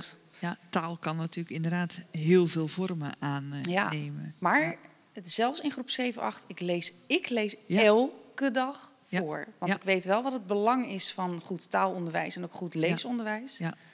En dat voorlezen echt wel belangrijk is. En uh, nou ja, dat moeten eigenlijk alle, al mijn collega's in de bovenbouw blijven doen. Maar dat doen ze niet. Nee, dat doen ze niet. Dus Oproep er is nog bij deze. een, een missie uh, te gaan, zeg maar. Ja. Lucianne, heb jij een herinnering aan je eerste boek dat je voorgelezen werd of dat je zelf kon lezen? Nou, wat ik wel een herinnering aan heb, ik heb vaag een beeld voor me, uh, maar dat was mijn eerste woord ook. Eland.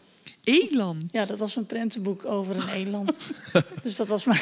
Het is ook een dier dat niet voorkomt, ja. niet voorkomt in Nederland. Nee, dat nee. Was, en het was echt zo'n hele schimmige tekening met zo'n gigantisch beest. Ja. Dat heeft heel veel indruk op mij gemaakt. Ja, mooi. Ja. En um, ik ben als kind heel veel ziek geweest. Ik heb mm -hmm. iets van zeven keer longontsteking gehad.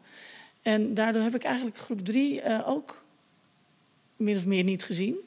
Want vroeger als je longontsteking had, dan was je echt zes weken ja. ziek. Uh, mijn oma, die kwam ook uit het onderwijs. En die heeft mij leren lezen, maar nog echt met de ouderwetse ot en zien ja. en, ja. en toen ik helemaal gestart was, ja, toen was ik niet meer te houden. Nee. En um, ik ben gewoon ook een bibliofaag geworden. Dus niet een bibliofiel, maar een nee. bibliofaag. Dat is iemand die boeken verslindt, zeg maar. Ja. Ik zie het ook gewoon als consumptieartikelen. Ja. Dus dat is iets wat je gebruikt. Ja. En wat ik me wel nog heel goed kan herinneren is dat de meester Karel uit groep 8... die las voor uit De Meester van de Zwarte Molen. Oh. Van Preußler. En dat was zo spannend. Hmm dat iedereen daar echt aan zijn lippen hing. En uh, dat is nog steeds een van mijn favoriete boeken. Ja. Ja. Dus hoeveel een leerkracht uitmaakt in jouw ja. plezier van lezen. Ja. ja, jouw leesontwikkeling eigenlijk. Ja. Ja, ja, ja. Ja. Ik heb wel eens horen vertellen dat... Uh, er is een boek dat, dat, dat gaat over een bibliotheek in Barcelona. Daar staan ongelooflijk veel boeken, maar die boeken zijn eigenlijk allemaal geheim. Want boeken um, hebben als bijkomstigheid dat het uh, mensen die ze lezen uh, op een of andere manier emancipeert. Dat wordt niet altijd even goed gewaardeerd. Um, ik wil er zo meteen eens over door, maar over een bibliotheek gesproken. Jij zou een verhaal gaan vertellen, of heel kort verhaal. Ja, een uitspraak. Een ja, uitspraak doen. Ja. Nou ja, een heel kort verhaaltje van mijn favoriete schrijver waarvan ik al de boeken heb en die dan helemaal verfomfaaid in de boekenkast staan. Tot ik weer eens een keer een nieuw exemplaar uh, van hetzelfde boek koop. Oh ja. En um, het grappige is dat deze schrijver, Terry Pratchett, die heeft zelf uh, als kind hele nare ervaringen gehad, ook op de lagere school. Mm -hmm. Ook van een meester die zoiets had van, nou, je kan niks en je wordt nooit wat. En uh, geef het nu maar alvast op. En die sloot zich dus zelf op in boeken. Dus oh, toen ging hij maar boeken lezen. Ja. En uh, eigenlijk dat hele oeuvre van hem, want hij heeft doctoraten gekregen. En hij is uiteindelijk door koningin Elisabeth tot ridder geslagen. Mm -hmm. En dat heeft hij nog steeds allemaal gedaan om te kunnen bewijzen aan die ene meester: zie je wel, ik kan het ja. wel. Ja. Dus ik ga nu proberen om ter plekke uit het Engels naar het Nederlands te vertalen. Ja. En het is een stukje dat heet over de excellentie in scholen. Onderwijs, wat het voor jou betekent. En dat heeft hij uh, voorgelezen toen hij weer een of ander doctoraat kreeg. Uiteindelijk kreeg hij er zoveel dat hij niet meer wist uh, wat nou wat was. Ja. Um, over hoe je scholen maakt. Waar begin je mee? Je bouwt eerst een bibliotheek. En daar bouw je de school omheen. Dan zorg je ervoor dat de kinderen redelijk goed kunnen lezen, een beetje samenhangend kunnen schrijven, ook al is het eenvoudig. En dat ze in ieder geval al een, een goed idee hebben van simpele rekenen, wiskunde, uh, om te kunnen weten of hun zakrekenmachine aan het liegen is. Als ze dat eenmaal kunnen, dan laat je ze zien hoe ze een bibliotheek moeten gebruiken. En, en dat is heel belangrijk, je laat ze pas los op het internet als ze echt kunnen lezen en schrijven en volwassen genoeg zijn of oud genoeg zijn om data niet te verwarren met informatie. Want anders zijn het gewoon apen in een bananenplantage. Uh, plantage. Ja. En wat is belangrijk in deze tekst dat jij wilde voorlezen en delen met de luisteraars?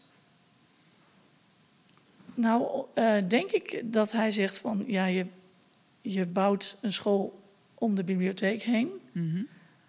uh, boeken zijn ook um, toegang tot werelden. Niet alleen maar de wereld die je om je heen hebt, wat je ziet, wat je meemaakt, maar uh, je duikt daar ook mee in de gedachten en hoofden van andere mensen. En je kunt reizen zonder uit je stoel te komen. Het is, er gaat gewoon echt een wondere wereld voor je open. Ja. En dat is de magie van lezen. En van lezen krijg je woorden. En met woorden kun je emoties uitdrukken. Ja. Ik heb zelf voor mijn master Zen een onderzoek gedaan naar emotiewoordenschat. Mm -hmm. Omdat ik op een groep 7 zat waarbij die kinderen continu elkaar het kot uitvochten. Toen dacht ik, misschien kunnen ze zichzelf wel niet gewoon uitdrukken. Ja. Het was altijd ik haat jou en dat soort dingen. Maar ze kennen die nuances gewoon niet in emoties. Ja. Maar dat leer je wel door lezen. Ja. Ja. Mooi. Taalonderwijs. Ik heb een. Um, gewoon maar eens een stelling voor jullie. Ik wil meer tijd voor lezen in de klas en minder tijd wil ik besteden aan testen. Petra. ja. Ik kan er eigenlijk alleen maar uh, mee eens zijn. Mm -hmm. Ik bedoel, uh, we lezen ook heel veel in de klas. Ja. Bij ons gaat het echt de hele dag door. En heel veel momenten. Ik heb, dat is natuurlijk in groep drie sowieso het geval. Ja. Ja. Um, Want daar leren ze vooral. Daar leren ze het. Ze kunnen natuurlijk ook al in groep 1 en 2 ja, iets. Ja. Maar, maar je merkt gewoon dat het echte lezen is echt uh, nu uh, goed op gang. Ja. Dat, dat is wel mooi van die bibliotheek. Ik ben toevallig vanochtend met kinderen naar de bibliotheek in de school geweest. Normaal wordt die uh, gerund door allerlei ouders. Nou, dat is allemaal lastig nu. Maar hij zit tegenover mijn lokaal. Dus ik heb gezegd, jongens, we gaan toch gewoon. En nu, ik, zo af en toe, dan heb ik eigenlijk weinig tijd. Maar we gaan toch nog wel even naar de bibliotheek. Oh, de vraag. En ik merk gewoon, als ze dan terugkomen... en dan, ze mogen twee boeken uitkiezen... ze zitten gewoon allemaal te bladeren, bij elkaar te kijken. Dat, die verwondering, het, het, uh, uh, ja, zo'n zo'n nieuw boek. Uh, heb je gezien wat hierin staat? ja, dat alleen is, is al ja. Zo'n mooi moment. Dat je, dat, dit mag je niet overslaan in de week. Nee. Dit moet gewoon. Ja. En uh, dan zie je ook, uh, ook echt kinderen die ook echt ervoor gaan zitten, knieën opgetrokken met het boek. Uh, niet doorhebben dat ik eigenlijk alweer door wil met de volgende les of moet. Ja. en ehm, dat, je, dat je zo jong al je zo kan verliezen in een boek ja, dat is fantastisch. En dat hoop je ook gewoon. En, mm. en ik denk dat je, dat je dat goed leert lezen door het ook inderdaad toch ja, heel veel te doen. Ja. En uh, dat het ook gewoon is, dat het erbij hoort, dat, het, dat, ja, dat we dat allemaal moeten doen. Mm -hmm. En uh, ja, alleen, ja, je moet soms ook wel eens even kijken van hoe ver staat het nu met dat lezen. Ja. Ik bedoel, je kan niet zeggen, nou dan laten we dat toetsen maar los. Nee, dat, dat gaat niet. Maar um, ja. Want waarom is dan belangrijk? Want, nou, ik denk wel dat het goed is om te kijken van hoe vordert een kind met, het, met zijn leesonderwijs. Mhm. En uh, hè, is het een, radende lezer? Is het een, een, een, een, eh, een spellende lezer? Uh, ja, waar heeft hij problemen mee en waar moet ik hem extra bij helpen. En, en ik denk dat dat, dat moet je wel als leerkracht heel duidelijk hebben. Mm Want als lezen, ik had, ik had vorig jaar een meisje in de klas en ehm, ja, misschien dyslexie. Ehm, nou, moeilijk, moeilijk, moeilijk. Ja, kind had ook, ja, vond lezen ook niet leuk. En, en je wil juist dat het, dat het leuk is, dat, dat ze genieten van het lezen. En um, dus dan ga je kijken, hoe kunnen we dit kind helpen? dat is natuurlijk wel essentieel. Maar je merkt wel kinderen die het eenmaal gevonden hebben... en die weten hoe het werkt en die, ja, die het leuk vinden... Mhm. ja, die gaan soms als een, als een, als een, uh, ja, als een sneltrein. Ja, ja. Want soms worden testen, heb ik de indruk, als niet-onderwijsmens... Uh, um, gebruikt om een kind toch in een vakje, in een hokje te zeggen van jij bent een slechte lezer, jij bent een goede lezer. Ja. Nou, wat wij, ja, onze methode, wij hebben uh, heel veel scholen werken met veilig leren lezen. Dat mhm. hebben wij niet. Mhm. Wij hebben actief leren lezen, maar die gaat heel erg uit van. Uh, je wordt niet in een niveau ingedeeld, maar er wordt gewoon gekeken, ja, jij bent al wat verder. Dus jij gaat ook op je eigen niveau verder lezen. Mm en er wordt geen, geen kwalificatie aangehangen. Nee. Er wordt gewoon gezegd: oké, nou, jij, jij mag uit die, boek, uh, uit die bak uh, boeken pakken. En die, die krijgen dan ook instructie op dat niveau. Ja. Maar uh, dat doen we ook vaak dan nog gewoon klassikaal. Ja. En dan doen dus ook de wat mindere lezers doen mee. En die pikken daarvan op wat ze daarvan op willen pikken. En dat. Ehm, ja, ik, ik vind dat wel fijner werken dan dat je zegt, nou jij, ja, jij bent een, een maan of een ster, ik weet niet precies. Ja, zonnetje. Ja, ja. Ik, het maakt niet uit wat voor naamje je eraan geeft. Nee, maar het is je nou wel, een maan bent, of je nou een rood zit, of je nou uh, een eentje, tweetje, een aatje, een beetje scoort. Uiteindelijk zijn het de ouders die iets, iets willen. En ik, ik merk, als ik als leerkracht, als een kind een CITO-toets bij mij doet en het zit hè, volgens de ouders onderaan de, de, de grafiek of aan de. Ja, uh, ik zie het kind toch groeien. Mm. Het kind heeft een eigen leer, een leercurve en die groeit mee. Dus ik ben trots. Mm -hmm. Het kind heeft zichzelf weer overtroffen ten, uh, ten, ten ja, de laatste toets, zeg maar. En ik ben het dus ook niet, niet per se, de stelling die je net zegt, mhm. eh, ik ben het wel eens met toetsen. Mhm. Alleen is de, uh, ja, wat, wat er aangehangen wordt, dat is, daar ben ik het niet mee eens. Nou, wat, wat ik het rare vind, hè, als je kijkt naar de CITO-percentages, 20% van de leerlingen stroomt uit naar HAVO-VWO. Al die anderen niet. Ja. Is dat dan slecht? En dat is het zo van, als je geen HAVO-VWO doet, ja, dan ben je eigenlijk een mislukkeling.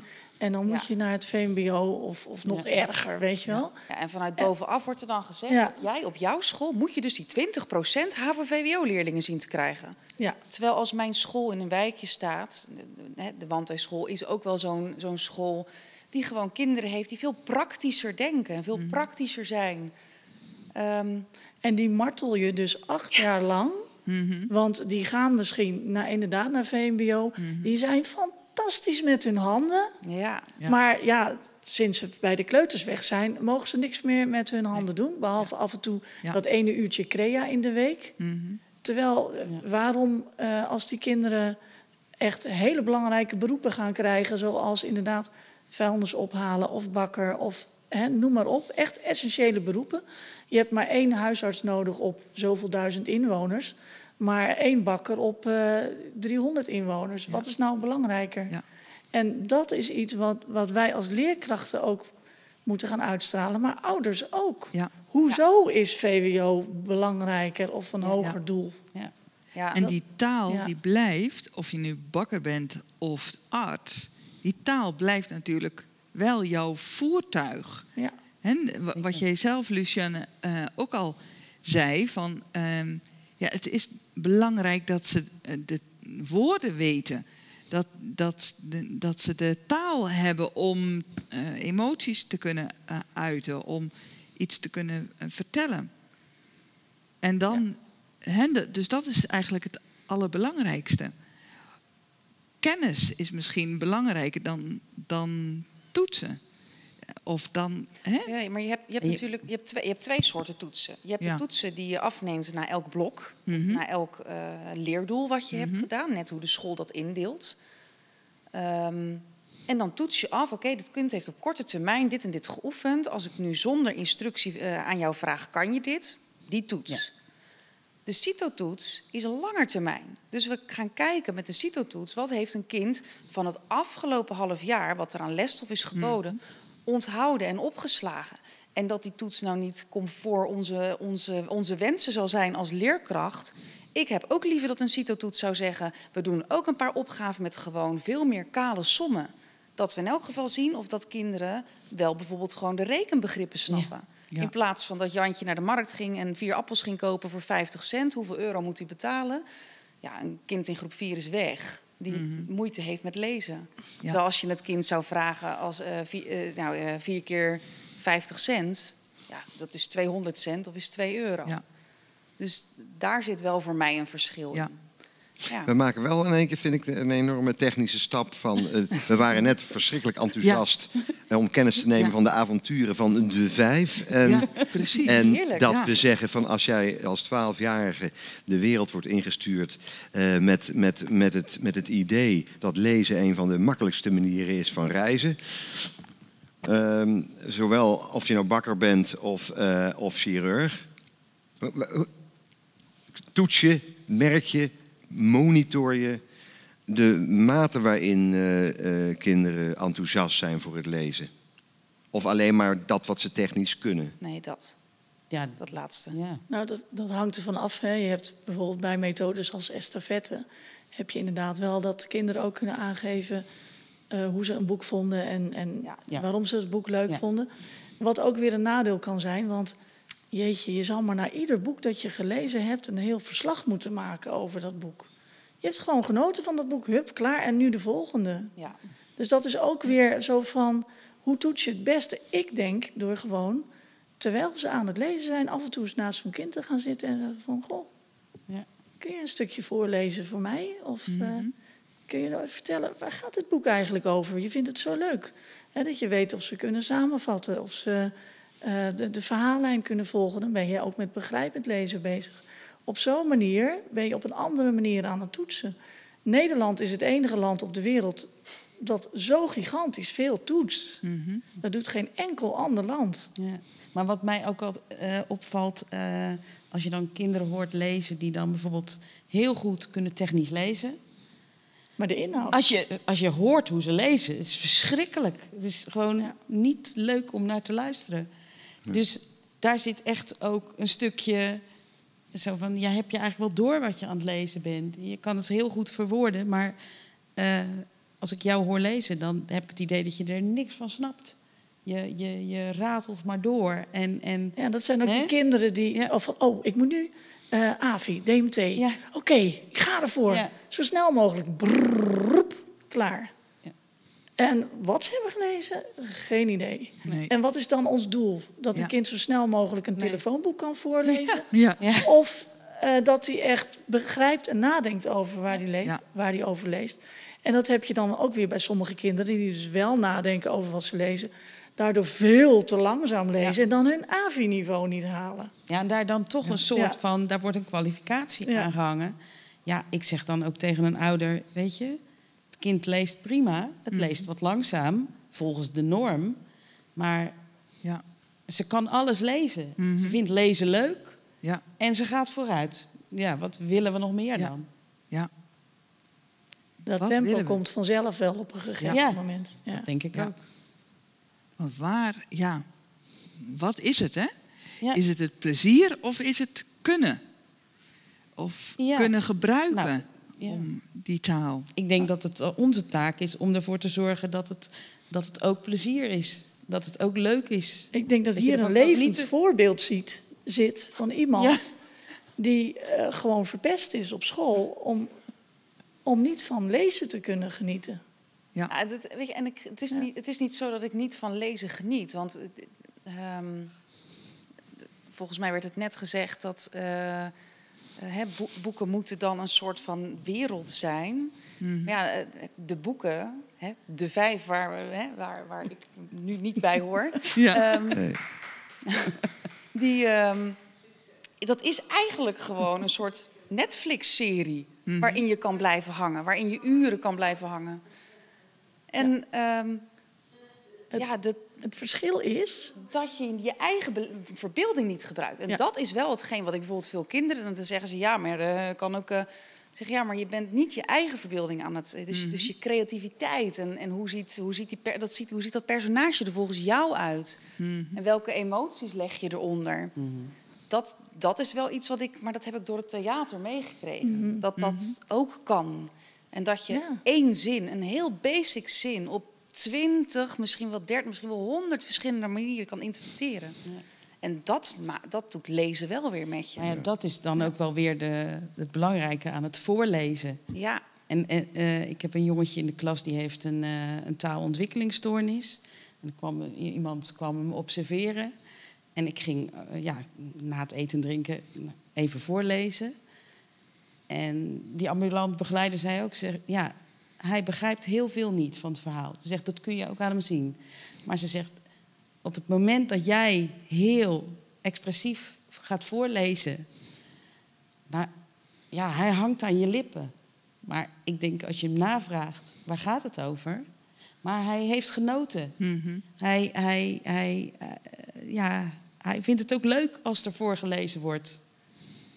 Blijft moeilijk voor hem. Maar het doet wel wat met hem. Ja. Misschien kan hij dan natuurlijk wel de emotie ja, maar, dat, maar ze zegt, dat, dat ziet hij. Hij ziet wat jij met je gezicht doet, wat je met je stem mhm. doet.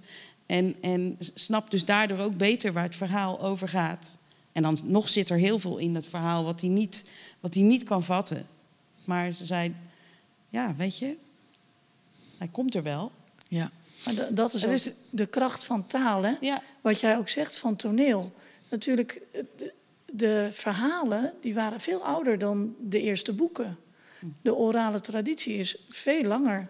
Als je kijkt naar de Bijbel, die is pas 600 jaar voor Christus een keer op schrift gesteld. En daarnaast heeft altijd nog die mondelinge traditie bestaan. Omdat het veel meer zeggenskracht heeft hè, als je vertelt dan als je puur leest. Want dan weet je niet wat de verteller bedoelt. Ja, als iemand zich niet goed kan uitdrukken schriftelijk, dan weet je ook niet wat hij bedoelt. Terwijl je ziet iemand op het toneel zo'n tekst voordragen en je denkt, yes, dat is het. Ja, want uh, buiten lezen is er ook nog zoiets als schrijven. Hoe leer je dat in vredesnaam op een uh, lagere school, uh, een basisschool? Ja, Want die stap is verschrikkelijk lastig. Dat begint heel simpel natuurlijk. Bij ja, hele korte, korte zinnetjes. ja, wat, wat ze bij mij in de klas doen. Maar je, ja, je probeert al wel een begin te maken. Mhm dat, kan, ja, dat kunnen allerlei verschillende opdrachten zijn. Wij hebben bijvoorbeeld uh, in onze methode zit bijvoorbeeld uh, begrijpend lezen. Maar er zit altijd een vraag bij waar ze zelf over na moeten denken. Van, nou, het gaat bijvoorbeeld over een bepaald soort eten. Nou, dan mogen ze daar iets over schrijven. Van, en dat sommige kinderen, bij sommige kinderen is het één woord of twee woorden. En anderen maken echt hele, hele verhalen. En ja, dat is toch wat je op moet bouwen. Dat, het begint eigenlijk heel simpel. Ja, bij Jena-plan staat levend talenonderwijs centraal. Hè? Dus we beginnen al bij de kleuters. Mhm. Dat ze bij een tekening iets gaan stempelen ja. of iets schrijven. En dan in groep drie inderdaad een, een, een kaart, een prentenkaart naar iemand. Of een korte tekst. Maar het zijn wel hun eigen teksten en daar zijn ze zo trots op. Ja die ene zin of die kaart naar oma. Of, oh jeetje, ik ben Sinterklaas altijd zo dankbaar als groep 3 leerkracht. Want ja, je moet toch een verlanglijstje schrijven. Dat moet Sinterklaas toch weten. En als er pepernoten in de klas zijn achtergelaten, moeten we een bedankbrief gaan schrijven met z'n allen. Ja. Dus dat, ja. ja, is fantastisch. Ja. Ja, taal is, is, is meer dan alleen die die, die techniek, hè? Het, het is een, een, een iets waardoor je je, je gedachten kan uh, uiten, waardoor je uh, je emotie kan vertellen. Waar, misschien is het een goede om ook mijn gedicht. Ja, en waar ik dan ook van wel in jouw gedicht misschien. Uh, je, triggerde me met iets. Nou goed, weet je wat, dat doen we daarna wel. Nou, nou ja, nee, toch. Uh, als, je, uh, als je ervan overtuigd raakt, langzaam, dat jij door verhalen die anderen hebben opgeschreven, zelf in een andere wereld komt, dan betekent dat je door middel van het schrijven je realiseert dat jij jouw wereld naar een andere wereld. Is dat beseffer? Dat dus eh, het lezen uh, of het schrijven jouzelf in staat stelt om anderen te laten lezen. Je bedoelt of is dat nog veel te ver van. Hè? Je bedoelt het besef bij de leerlingen? Bij de leerlingen, ja. ik denk in mijn groep uh, niets tot, nou, ja, nee, na, nauwelijks tot weinig. Er zijn er maar echt maar een paar die dat, die dat beseffen. Ja, want het, het, we leven in, een, eh, in wat we noemen een informatietijdperk en een communicatietijdperk. Maar tegelijkertijd zijn de, de, de middelen die men uh, ter beschikking heeft uitermate karig eigenlijk.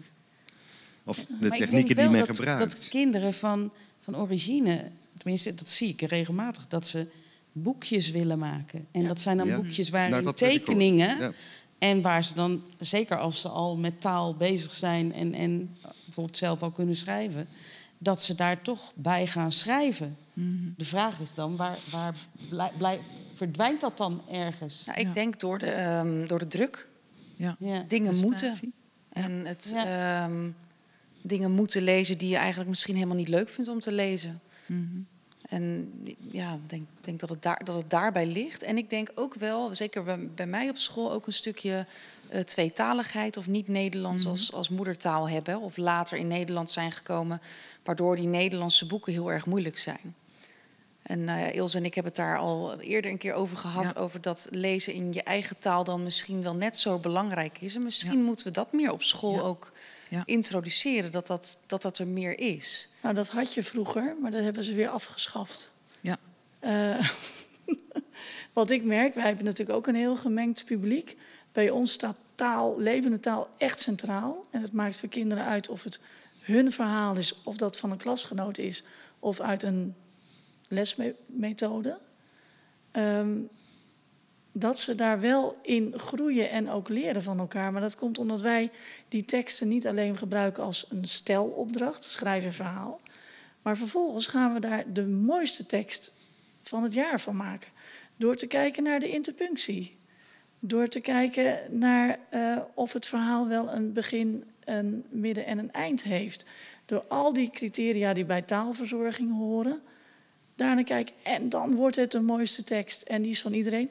En die gaat dan in het rode boek. Mm En daarna ga je vervolgens met elkaar jouw eigen tekst ook aanpassen. Ja. En ik denk dat dat heel erg uitmaakt. Als je kijkt naar de methodes begrijpend lezen die wij hebben, wij hebben nieuwsbegrip. Daar leren kinderen ook technisch, zeg maar, hoe ze moeten ontdekken wat de schrijver van de tekst bedoelt. Maar als die schrijver van de tekst bij hun in de klas zit, kunnen ze het ook gewoon vragen. En uh, ze weten ook de context waarin het, het, verhaal geschreven is. Want het is een klasgenootje en ze weten dat hij hartstikke goed kan voetballen en misschien in de selectie komt. Dat is denk ik het verschil tussen levend taalonderwijs en verplichte taalopdrachten. Ja. ja, taal is inderdaad een leven of is iets wat, wat um, is een gevoel of is heel vaak krijgen um, kinderen die twee talen uh, spreken krijgen de vraag: ja, maar welke taal is nu het belangrijkst? Ja, en, het, het is vragen naar welk been is voor jou het belangrijkst. Ik heb daar een gedichtje over geschreven en dat heet Twee landen in mijn hart. Ik heb twee landen in mijn hart. Het land waar ik geboren ben, het land waar ik nu woon. Soms vragen mensen mij: van welk land houd jij het meest? Maar ik kan niet kiezen. Mijn antwoord is een vraag. Van welk been houd jij het meest? Van het rechter of het linker? Precies, van beide evenveel. Zo zit het ook bij mij. Ik heb twee landen in mijn hart.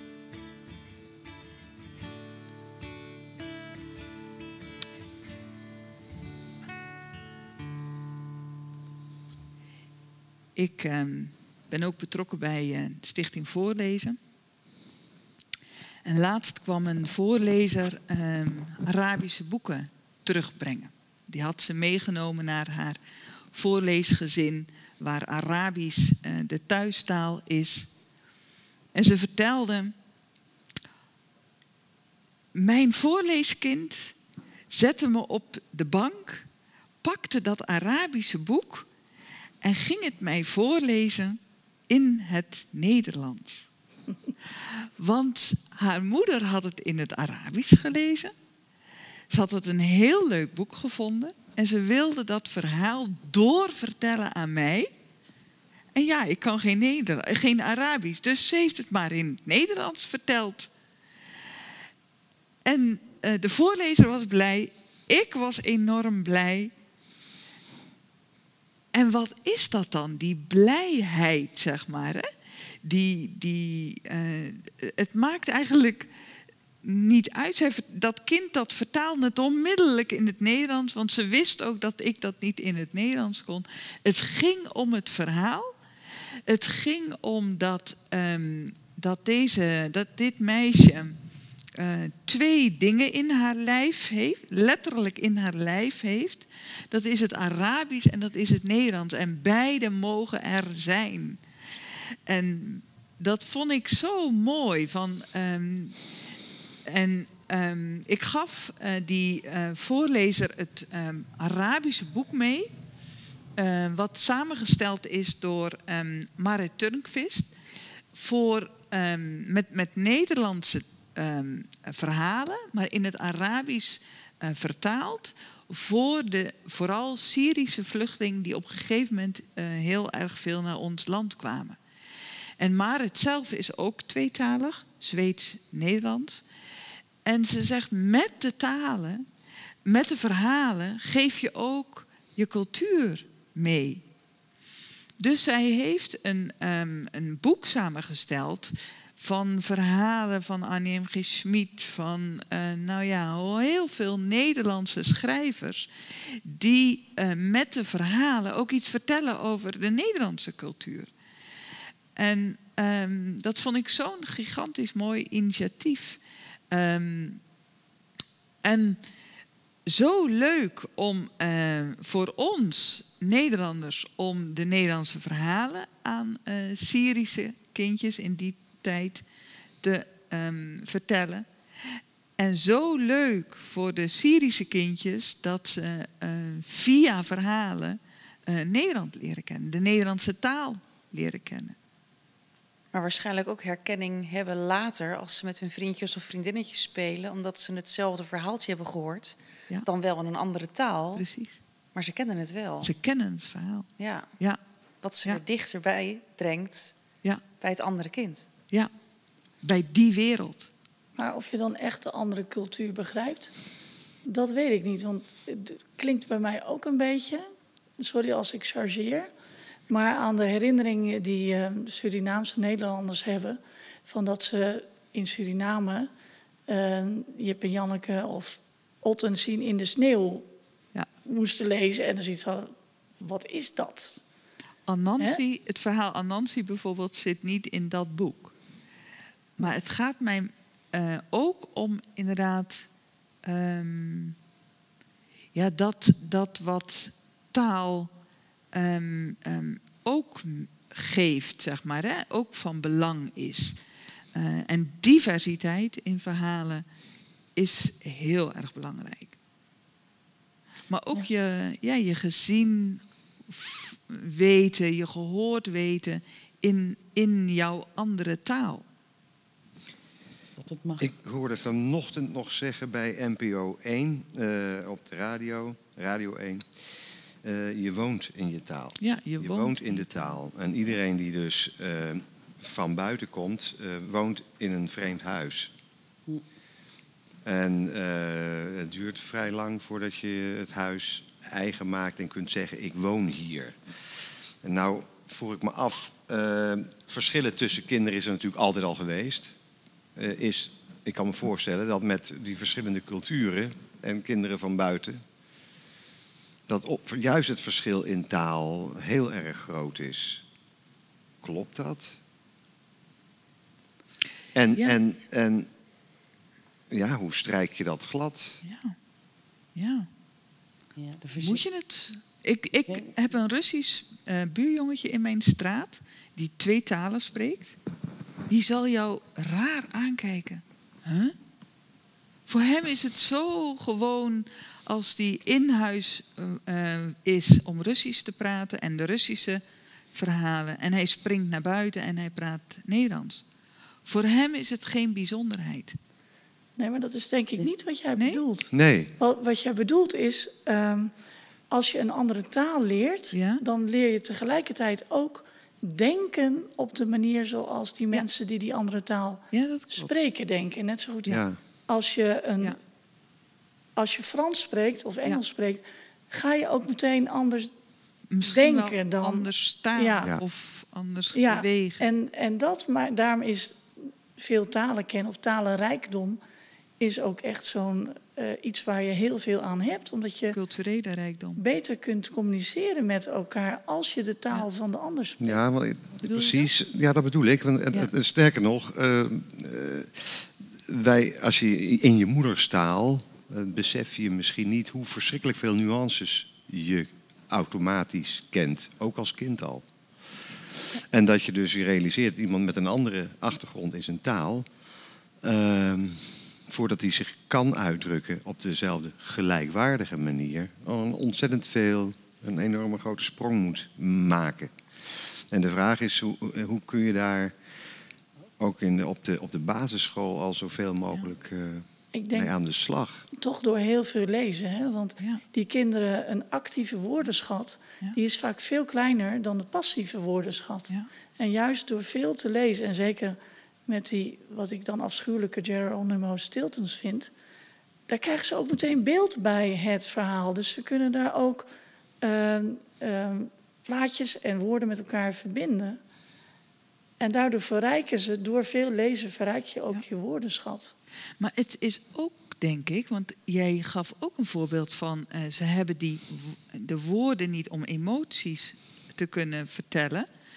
Um, ik denk dat het ook gaat om uh, de, de taalrijkdom van, van jou als mens.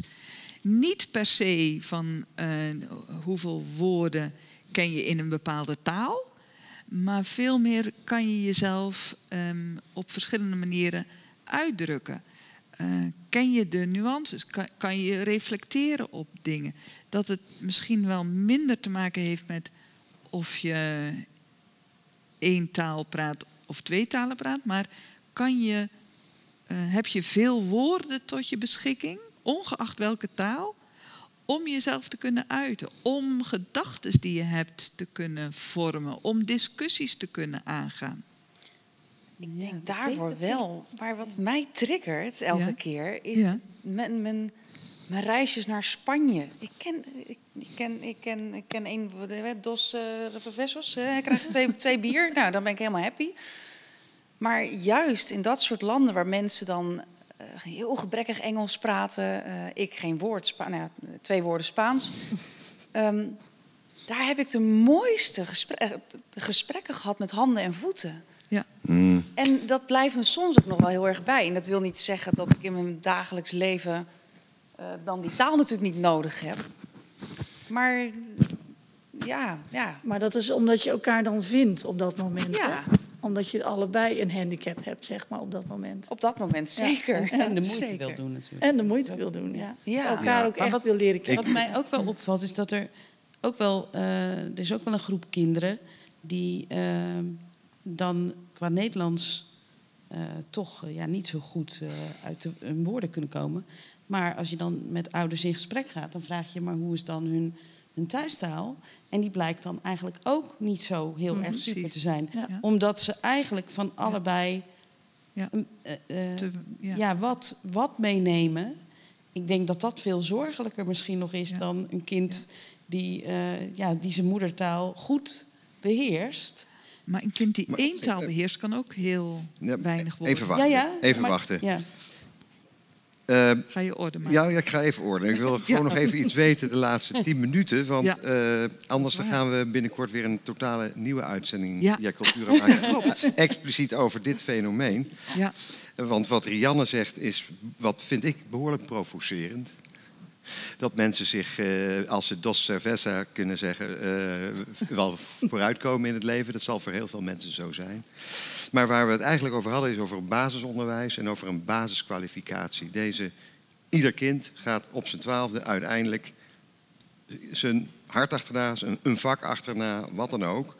En dan moet je wat in je rugzakje hebben. Rekenen, maar zeker ook taal.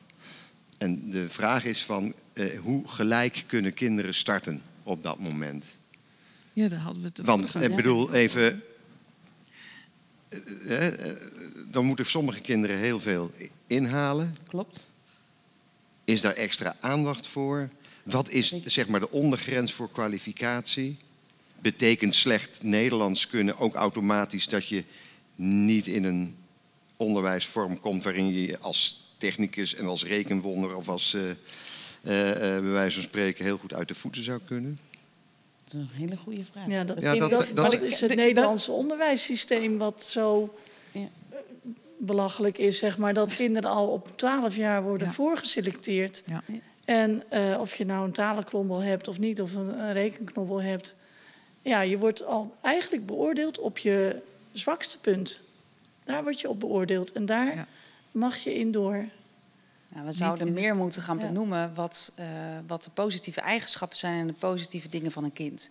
En dat dat niet alleen maar op dat, uh, op dat talig gebied ligt of dat rekengebied. En wat je ja. kunt versterken. Hè? Ik heb drie kinderen met dyslexie, halleluja. En uh, mijn dochter die was echt heel slecht in Frans. En dat was ook nog eens een keer haar mentor. Ja, En toen heb ik in zo'n ouder gesprek, weet je wel, in zo'n hele grote zaal met allemaal zo'n twee gesprekjes, heb ik gezegd: Nou, beste mevrouw, voor mij hoeft ze geen woordjes Frans meer te leren, niks meer te doen. Ze compenseert het wel met wiskunde en natuurkunde en scheikunde. Ik ga investeren in waar ze goed in is en niet waarin ze niet goed is. Nou, uh, ze heeft, is nu afgestudeerd ja. in uh, Engeland aan de Universiteit van Preston. Ja. ja. Um, dus wij leggen veel te veel de nadruk op ons systeem in Nederland, op wat kinderen niet kunnen. In plaats van wat. En niet in, in versterken in wat ze wel kunnen. Ja. ja. ja. Herkent Petra dat ook? Denk... Ja, dat, ja. ja. Ik denk ook wel eens dat ja, kinderen bij ons uh, uh, ja, eerder dan toch naar een wat lager onder of lager vorm van onderwijs uh, doorgestuurd worden. En, en niet omdat we niet geloven in die kinderen, maar het is ook uh, ja, die, die vervolgschool. Die zegt op een gegeven moment, uh, ja, maar ja, dit kind scoort te laag. Dit kind, uh, ja, als dus dit toch het hele ja, er wordt natuurlijk scores. ja, scores wel ook op advies, maar ja. Ehm, het is niet heilig. Nee. Ik weet niet, jij, jij zit daar denk ik nog meer in. Ja, ik vind, het, ik, ik vind het heel tricky. Weet je, je, je zegt net, uh, hebben kinderen dan allemaal een gelijke start? Maar moeten ze allemaal een gelijke start hebben? Nee. Ze, moeten, ze moeten naar mijn idee mm. Ehm, hun hart volgen. Ze moeten gelukkige, goede, goede wereldburgers worden. En met goede wereldburgers hoop ik dat ze niet een pistool trekken... of verkeerde keuzes maken in het leven. Maar dat ze het, het, het, het, plekje wat zij gaan creëren dadelijk, of dat een gezinnetje is of een eigen, of een, een eigen eilandje ergens in, op, een, ander, in een ander land, daar moeten zij hun geluk zien te vinden. En hoe ze hun geld verdienen um, en hoe ze hun, eten verbouwen, of ze, of ze een, ja, dat moet niet uitmaken. Nee, dat, nee, dat begrijp ik wel. Uh, het gaat er meer om dat uiteindelijk uh, er een grens getrokken wordt bij die 12 jaar. En dan in één keer gaat men naar een andere onderwijsvorm toe. En we hopen allemaal dat iedereen voorsorteert. Ja. Precies waar hij zijn hart kan volgen en kan doen wat, hij, wat hij kan. Uh, en dat er dan een, uh, alleen vanwege het feit dat er een, een andere moedertaal ooit was, uh, in die zin verkeerd voorsorteert. Ja. En jij zegt dat geeft eigenlijk niet als hij maar gelukkig wordt. Nou ja, je hebt natuurlijk ook, ook wel eens dat kinderen die dan juist bijvoorbeeld... Stel dat je een kind hebt dat de HAVO-VWO aan kan, maar de taal nog niet machtig is. Nou komt dat misschien op een, eh, nou, een VMBO terecht. Heeft daar vier jaar lang zijn, aan zijn taal kunnen werken. Ik hoop dat er dan een mentor is of een Nederlands docent die die pers persoontje prikkelt. Ja. En als ze verder kunnen en willen, dan kunnen ze altijd nog van of de HAVO naar uiteindelijk het HBO of van het MBO naar het HBO. Ja, de, gun, ze de tijd eigenlijk. Op een mensenleven maakt het niet zoveel uit. Nee. Maar wat het psychisch met je doet als je ergens zit waar je niet thuis hoort, dat, dat vind ik eigenlijk vaak eh, soms misdadig wat er gebeurt met kinderen. Ja. En daarom ben ik ook blij met het voorstel van de minister om nu een, een uh, tweejarige brugklas hè, uh, te gaan weer te gaan maken. Zodat die beslisperiode uh, langer duurt. Hè. En ze willen zelfs een soort uh, brugklas waarbij je uh, groep 8 en groep 1 en 2 van de middelbare school, die al bij elkaar zitten. En dan, dan, dan vergroot je die kansen voor kinderen. Hoezo 12 jaar al beslissen wat je wil gaan worden, zeg. In geen enkel land is dat zo. Nee. En taal is belangrijk voor die, uh, voor die hele ontwikkeling van kinderen. We hebben eigenlijk ook gezegd van taal ontwikkel je op een rijke manier door veel te lezen, veel bezig te zijn met taal. Laten we kijken, misschien in een volgende uitzending. Ik, Ilse, ik ben, ik ben niet alleen bang, ik verheug me erop. Ja, precies. en ik ben zo blij eigenlijk dat we er ook uh, in deze uitzending lang niet helemaal zijn uitgekomen. Dat betekent dat we absoluut nog een keer gaan stilstaan bij het onderwijs. Over onderwijs gesproken. Op 5 juni gaan de musea weer open. Dus ook het Nationaal Onderwijsmuseum hier in Dordrecht gaan. De schrijver blijft zolang hij schrijft. De spreker spreekt totdat hij zwijgt. En zijn woorden, die stromen door. In ieder woord komt een waarheid voorbij. En wat waar is, dat weet jij. Een stem die stopt, een pen die stokt. En ieder woord leeft als het leeft in ieders gedachte voort. Dames, bedankt. Petra, Rianne, Lucianne, Ilse natuurlijk, uh, Peter en Hans voor de techniek. En wij zeggen We zijn er al uit. Nee, maar niet kwalijk. We hopen jullie gewoon volgende week weer te zien hier bij Vier Culturen. Dan zitten hier weer andere mensen. Gaat het over een heel ander onderwerp, vast en zeker. En geniet ondertussen van het prachtige weer. En binnenkort zijn we allemaal vrij om te kunnen doen wat we willen zonder afstand. Dit was Via Cultura.